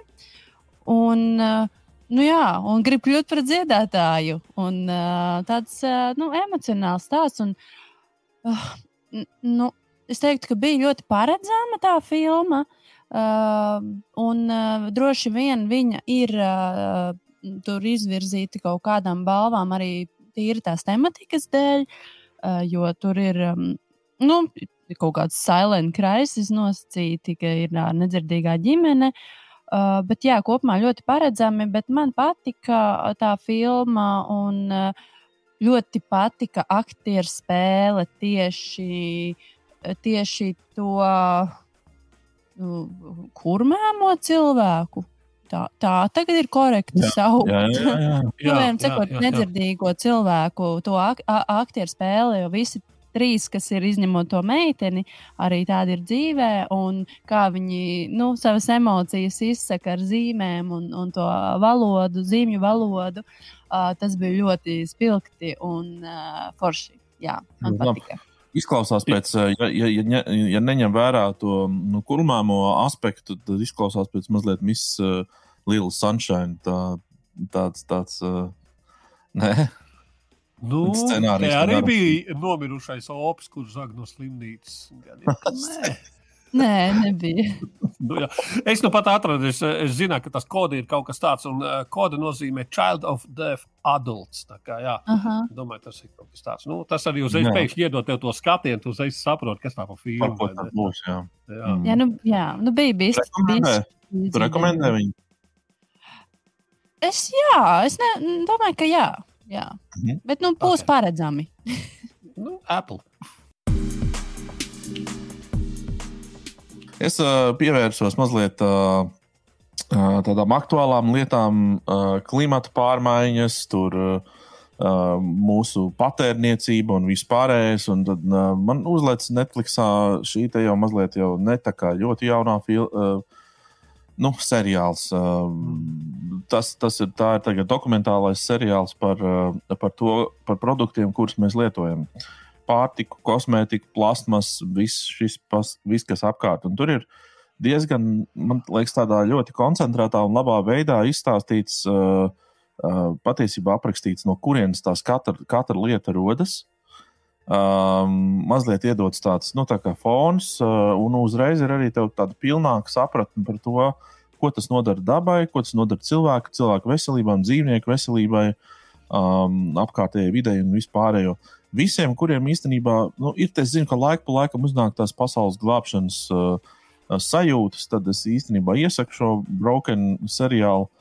Tiem, kuri, nu, kā saka, vairs negrib kosmētiku likt uz sejas un tā tālāk, arī uh, Um, nu, kā saka, šo var noskatīties droši, un tad, kā saka, tu vairs kādu brīdi uh, plasmasas maisiņiem virsū negribēsi skatīties un vispārējo. Bet nu, tā kopumā uh, dodu augstu vērtējumu, labu vērtējumu no tā viedokļa dēļ, ka ir ļoti dinamisks, uh, spēj noturēt labu uzmanību.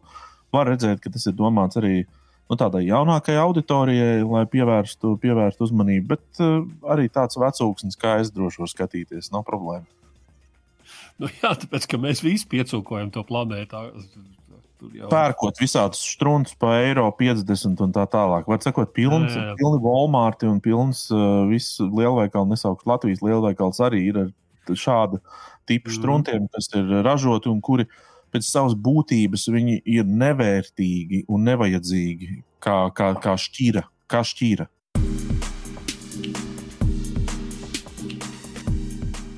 Nedēļas labākā klausāmvielā Ludvika Einaudi jaunākais albums. Uh, tiem, kas nezina, viņš ir pianists, uh, un tā tad uh, mūzika ir instrumentāla. Un, uh, man gan nobrīnīja fakts, ka šis tika pasniegts kā pirmais solo albums 20 gadu laikā, un, uh, jo viņam ir katru gadu vairāk albumi.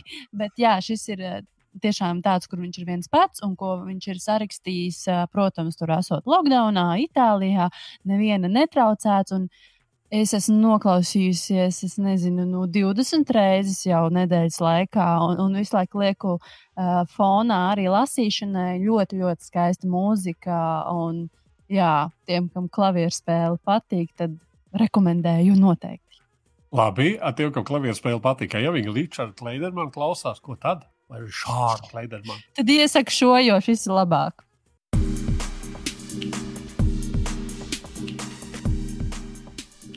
Ātrais piekdienas rīta singls, lauva, jeb mūziķis ar latviešu izcelsmi.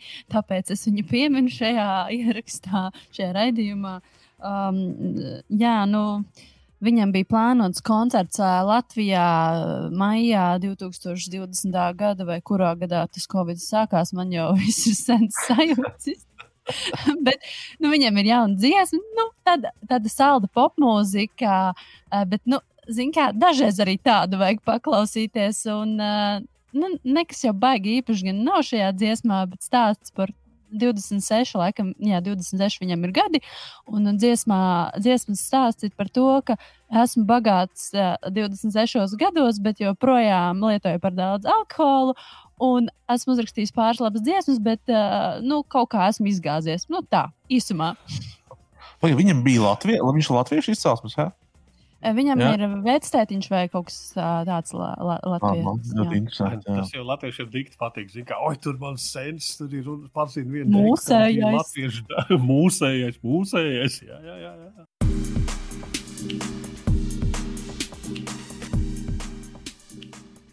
Uh, Bērnības milicija apakrifti ir, ir, ir ārā. Bankampā meklējiet uh, EP, nu, mazā platīte. Nu, kā lai saka par bērnības miliciju, tas latviešu undergrounds, tie, kas zina, ka te, nu, tie tādi ir nopietni stāstnieki, diezgan muzikāli. Speciāli Kristapam piemin, ka tas ir kaut kas līdzīgs Turijas zēvelei.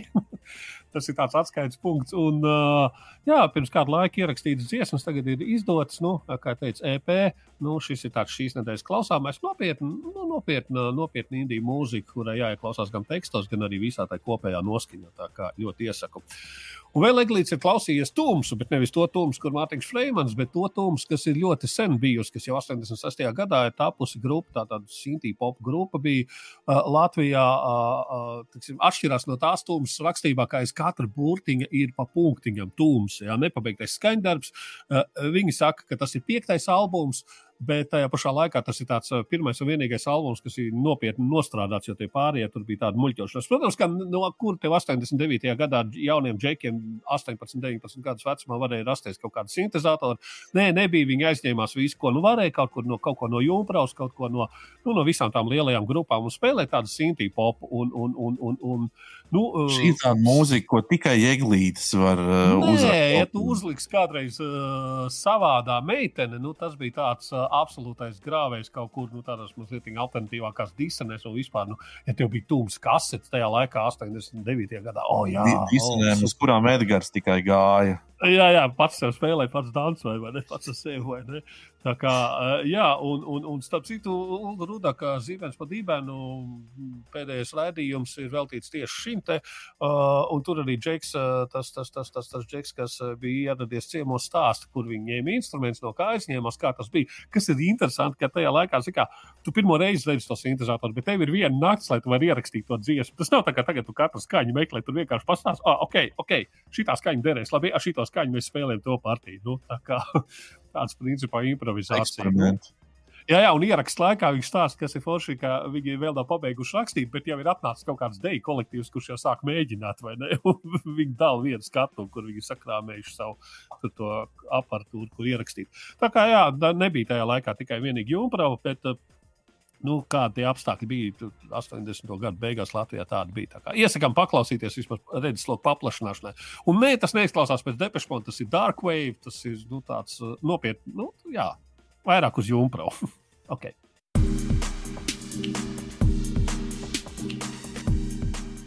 Nu, tad, man liekas, tāda kopējā lieta. Ne? Jā, mēs atkal atgriežamies pie šī. Tas ir ļoti labi, ka mēs atgriežamies, jo vajag atgriezties. Atgriezties pie labām lietām vienmēr vajag. Laura stāsta savu piedzīvojumu. Uh, Raimonda Platača grāmata par nonulēšanos. Es jau domāju, ka jūs abi esat lasījuši viņu. Ja? Jā. Mums ir esam Raimonds bija ciemos. izrunājuši. Jā, jā, mēs esam šo plaši izrunājuši, bet mēs ar ļoti lielu uh, interesi gaidām tavu uh, vērtējumu, jo Jā. Mēs arī pamanījām, ka tavā podkāstā pakluso uh, šodien, uh, nē, pagājušajā nedēļā, vai šodien uh, Raimonds viesojās. Nu, tad Es vēl stāsti. neesmu noklausījies, jā, tā kā stāsta. Um, stāsti. Nu, stāsti tā, ka es sazinājos ar Raimondu un kaut kā, kaut kā ļoti, jo ļoti ātri izlasīju šo grāmatu, nokļuvu pie viņas. Un, um, nu, dziļi tā, ļoti daudz kas rezonēja, protams, uh, par to. Nu, banāli izklausās, bet dzīves jēgu. Bet nu, tā tas ir, kad mēs apkrojamies ar saviem darbiem un, un, un, un tik darām un darām, un nevienā brīdī neapstājamies. Tad vienā brīdī liekas, kāpēc es to visu daru.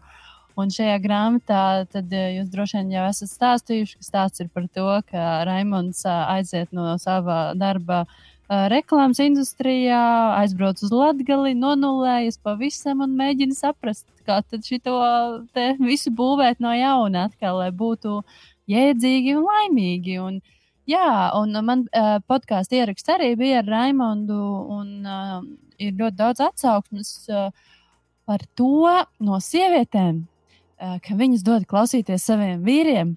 Uh, vīriešiem, jo Raimons uh, ir atklājis ļoti daudz tādu sajūtu, kuras uh, mēs, uh, sievietes, dažreiz nesaprotam, ko jūs domājat. Ja? Un uh, ka, ka arī vīrieši ir emocionāli un jūtīgi, un nav tā, ka tas vāveres ritenis ir tas, par ko visi no jums šausmīgi fano. Tas ir labs ieskats arī tādā vīriešu emocionālajā pasaulē, manuprāt. Nu, ja man patīk, kā podkāstā, tavā podkāstā Raimons teica, ka, ka sievietes lasa arī, ar, nu, lai saprastu, kā, ko vīrieši domā. Tāpēc, un viņš to nebija, nebija nekad iedomājies, ka tāda šķautne arī varētu būt. Mm -hmm. Jā, es jau arī paņēmu to grāmatu un neņēmu ar tādu nolūku, tagad, ko vīrietis domā. Es vairāk par to nu, tiešām nu, nu, kaut kā ievilku tā. Uh, bet jā, bija, bija tāds pap papildus bonus, tā teikt. Kā tev noteikti. kā tev viss tā stilistika patīk grāmatas? Um, man patika, jā, un es lasīju arī tavu atsauksmi, uh, ka ir forši, ka ir tās, nu, ka tu, ir tās tukšās lapas, ka tu tā apstājies, padomā, un tad ej tālāk. Un, un jā, Jā, forši. Viņš tikai speciāli to būtu izdarījis. Nu, Nu, protams, viņš jau reklāmā ir strādājis, viņš jau māca pasniegt. Koncepcijas un storytelling. Tur jau nav problēmas Raimondam ar šito. Es tikai domāju par to, ko Laura teica, ka tās uh, dāmas dod, uh, ne, dāmas lasa un, un, un viss tā. Ko tās dāmas teiks, kad uh, Džeki izdomās nonulēties un kaut kādā brīdī nu, būs tā, ka tā, tas komforta zona pazudīs. Nu, kā, kā tad tās dāmas? Jā, nu tad tur ar to ir jārēķinās. Jā, tas es, es domāju, kā, Jā, pabeidz, Laura, pabeidz. Nē, nē, es arī tieši par to iedomājos, ka, nu, protams, ka mums eh, liekas, ā, nu, tik nonulēsimies, un uh, Mhm, bet tad, kad reāli tavs, tavs vīrs, kurš ja no, nonulēsies, un nezinu, tev būs jādomā par ģimenes budžetu uh, vienai, uh, tad varētu nebūt baigi ērti. Bet, nu, tad tajā domā ir jāiet līdz galam un, un jātic, ka no tā viss kaut kas labs var iznākt. Bet, Jā, nu, non, nonulēties, kā viņš teica, var dažādi. Tev jau nav jānonulējās līdz tādai pašai apakšai, kā viņš to izdarīja. Viņš jau teica, katram ir tas savs līmenis, un katram ir varbūt arī sava veida nonulēšanās, kas nenozīmē visa pazaudēšana vai visa atteikšanos no visa, Mm. bet tu vienkārši kaut kādu savu daļu dzīves padrupini, jo tu redz, ka tie LEGO klucīši tur ir uzkauti pārāk daudz. Tā kā tādā ziņā tā filozofija man šķiet, ir, eh, nu, ko viņš arī nu, stāsta, ir, ka tās nonulēšanās var būt dažādas. Mm. Mm -hmm. Jā, tev jau nav Nu, jā. jāiziet obligāti no darba. Nu, tur visādi, Jā. Nu. visādi var būt. Noslēdzot šo te tēmu, es gribu teikt, arī mūsu šovā ir bijis Raimons Ciemūns. Tā kā pameklējiet epizodus no šova astoņos, paklausieties, ko Raimons stāsta uh, Laurai podkāstā pa kluso. Nu, Jā. Tā. Būs ļoti labs priekšstats. nu, lūk, tas šajā reizē viss. Sekojam Olimpijādai. Nu, es noteikti centīšos paskatīties atklāšanas pasākumu. Visam citam, kā sekos līdzi, kā būs tā noslēguma pasākumu. Tā, tā tie ir mūsu svētki. Tam mēs sekosim līdzi atklāšana un noslēgums. tā būs mūsu rezultāti. Vai ne? Un, un, un visam citam, uh, nu, kā sanāks, tad redzēs, kā, kā, kā, kā, kā tur būs. Bet, uh, nu, katrā gadījumā, tā, jā, tas man šķiet būs tāds lielākais notikums, vai ne? Es domāju, par to mēs arī nākamajos šovos parunāsim. Bet nākamais, tieši, nākamais tieši 4. Uh, februāris ir datums, kad mēs svinēsim savu pirmā gada jubileju. Un mēs aicinām jūs visus arī ciemoties pie mums, uh, dāvināt mums dāvanas, protams, uh, teikt labus vārdus. Jo, vai ne? Zīdainis ir zīdainis. Nevajag viņu spērt ar kājām vēl. Vajag uci, uci, uci vēl. Jā? Tā kā Jūs beidz no klīnas lejā, izdzīvos, izdzīvos. Nē, ah, nu, sorry, nesanāca taisīt Ai. jaunu. Gais, Gais Kavasaki, lielais mārketinga eksperts un guru mūsu nākamais, nākamais vakara viesis. Tā kā nu, būs interesanti saruna, būs interesanti, an- interesanti viesi. Uh, sekojiet arī mums turpmāk. Tā, tas arī vēstījums no manis. Tā kā visiem jauku, skaistu februāru sākumu.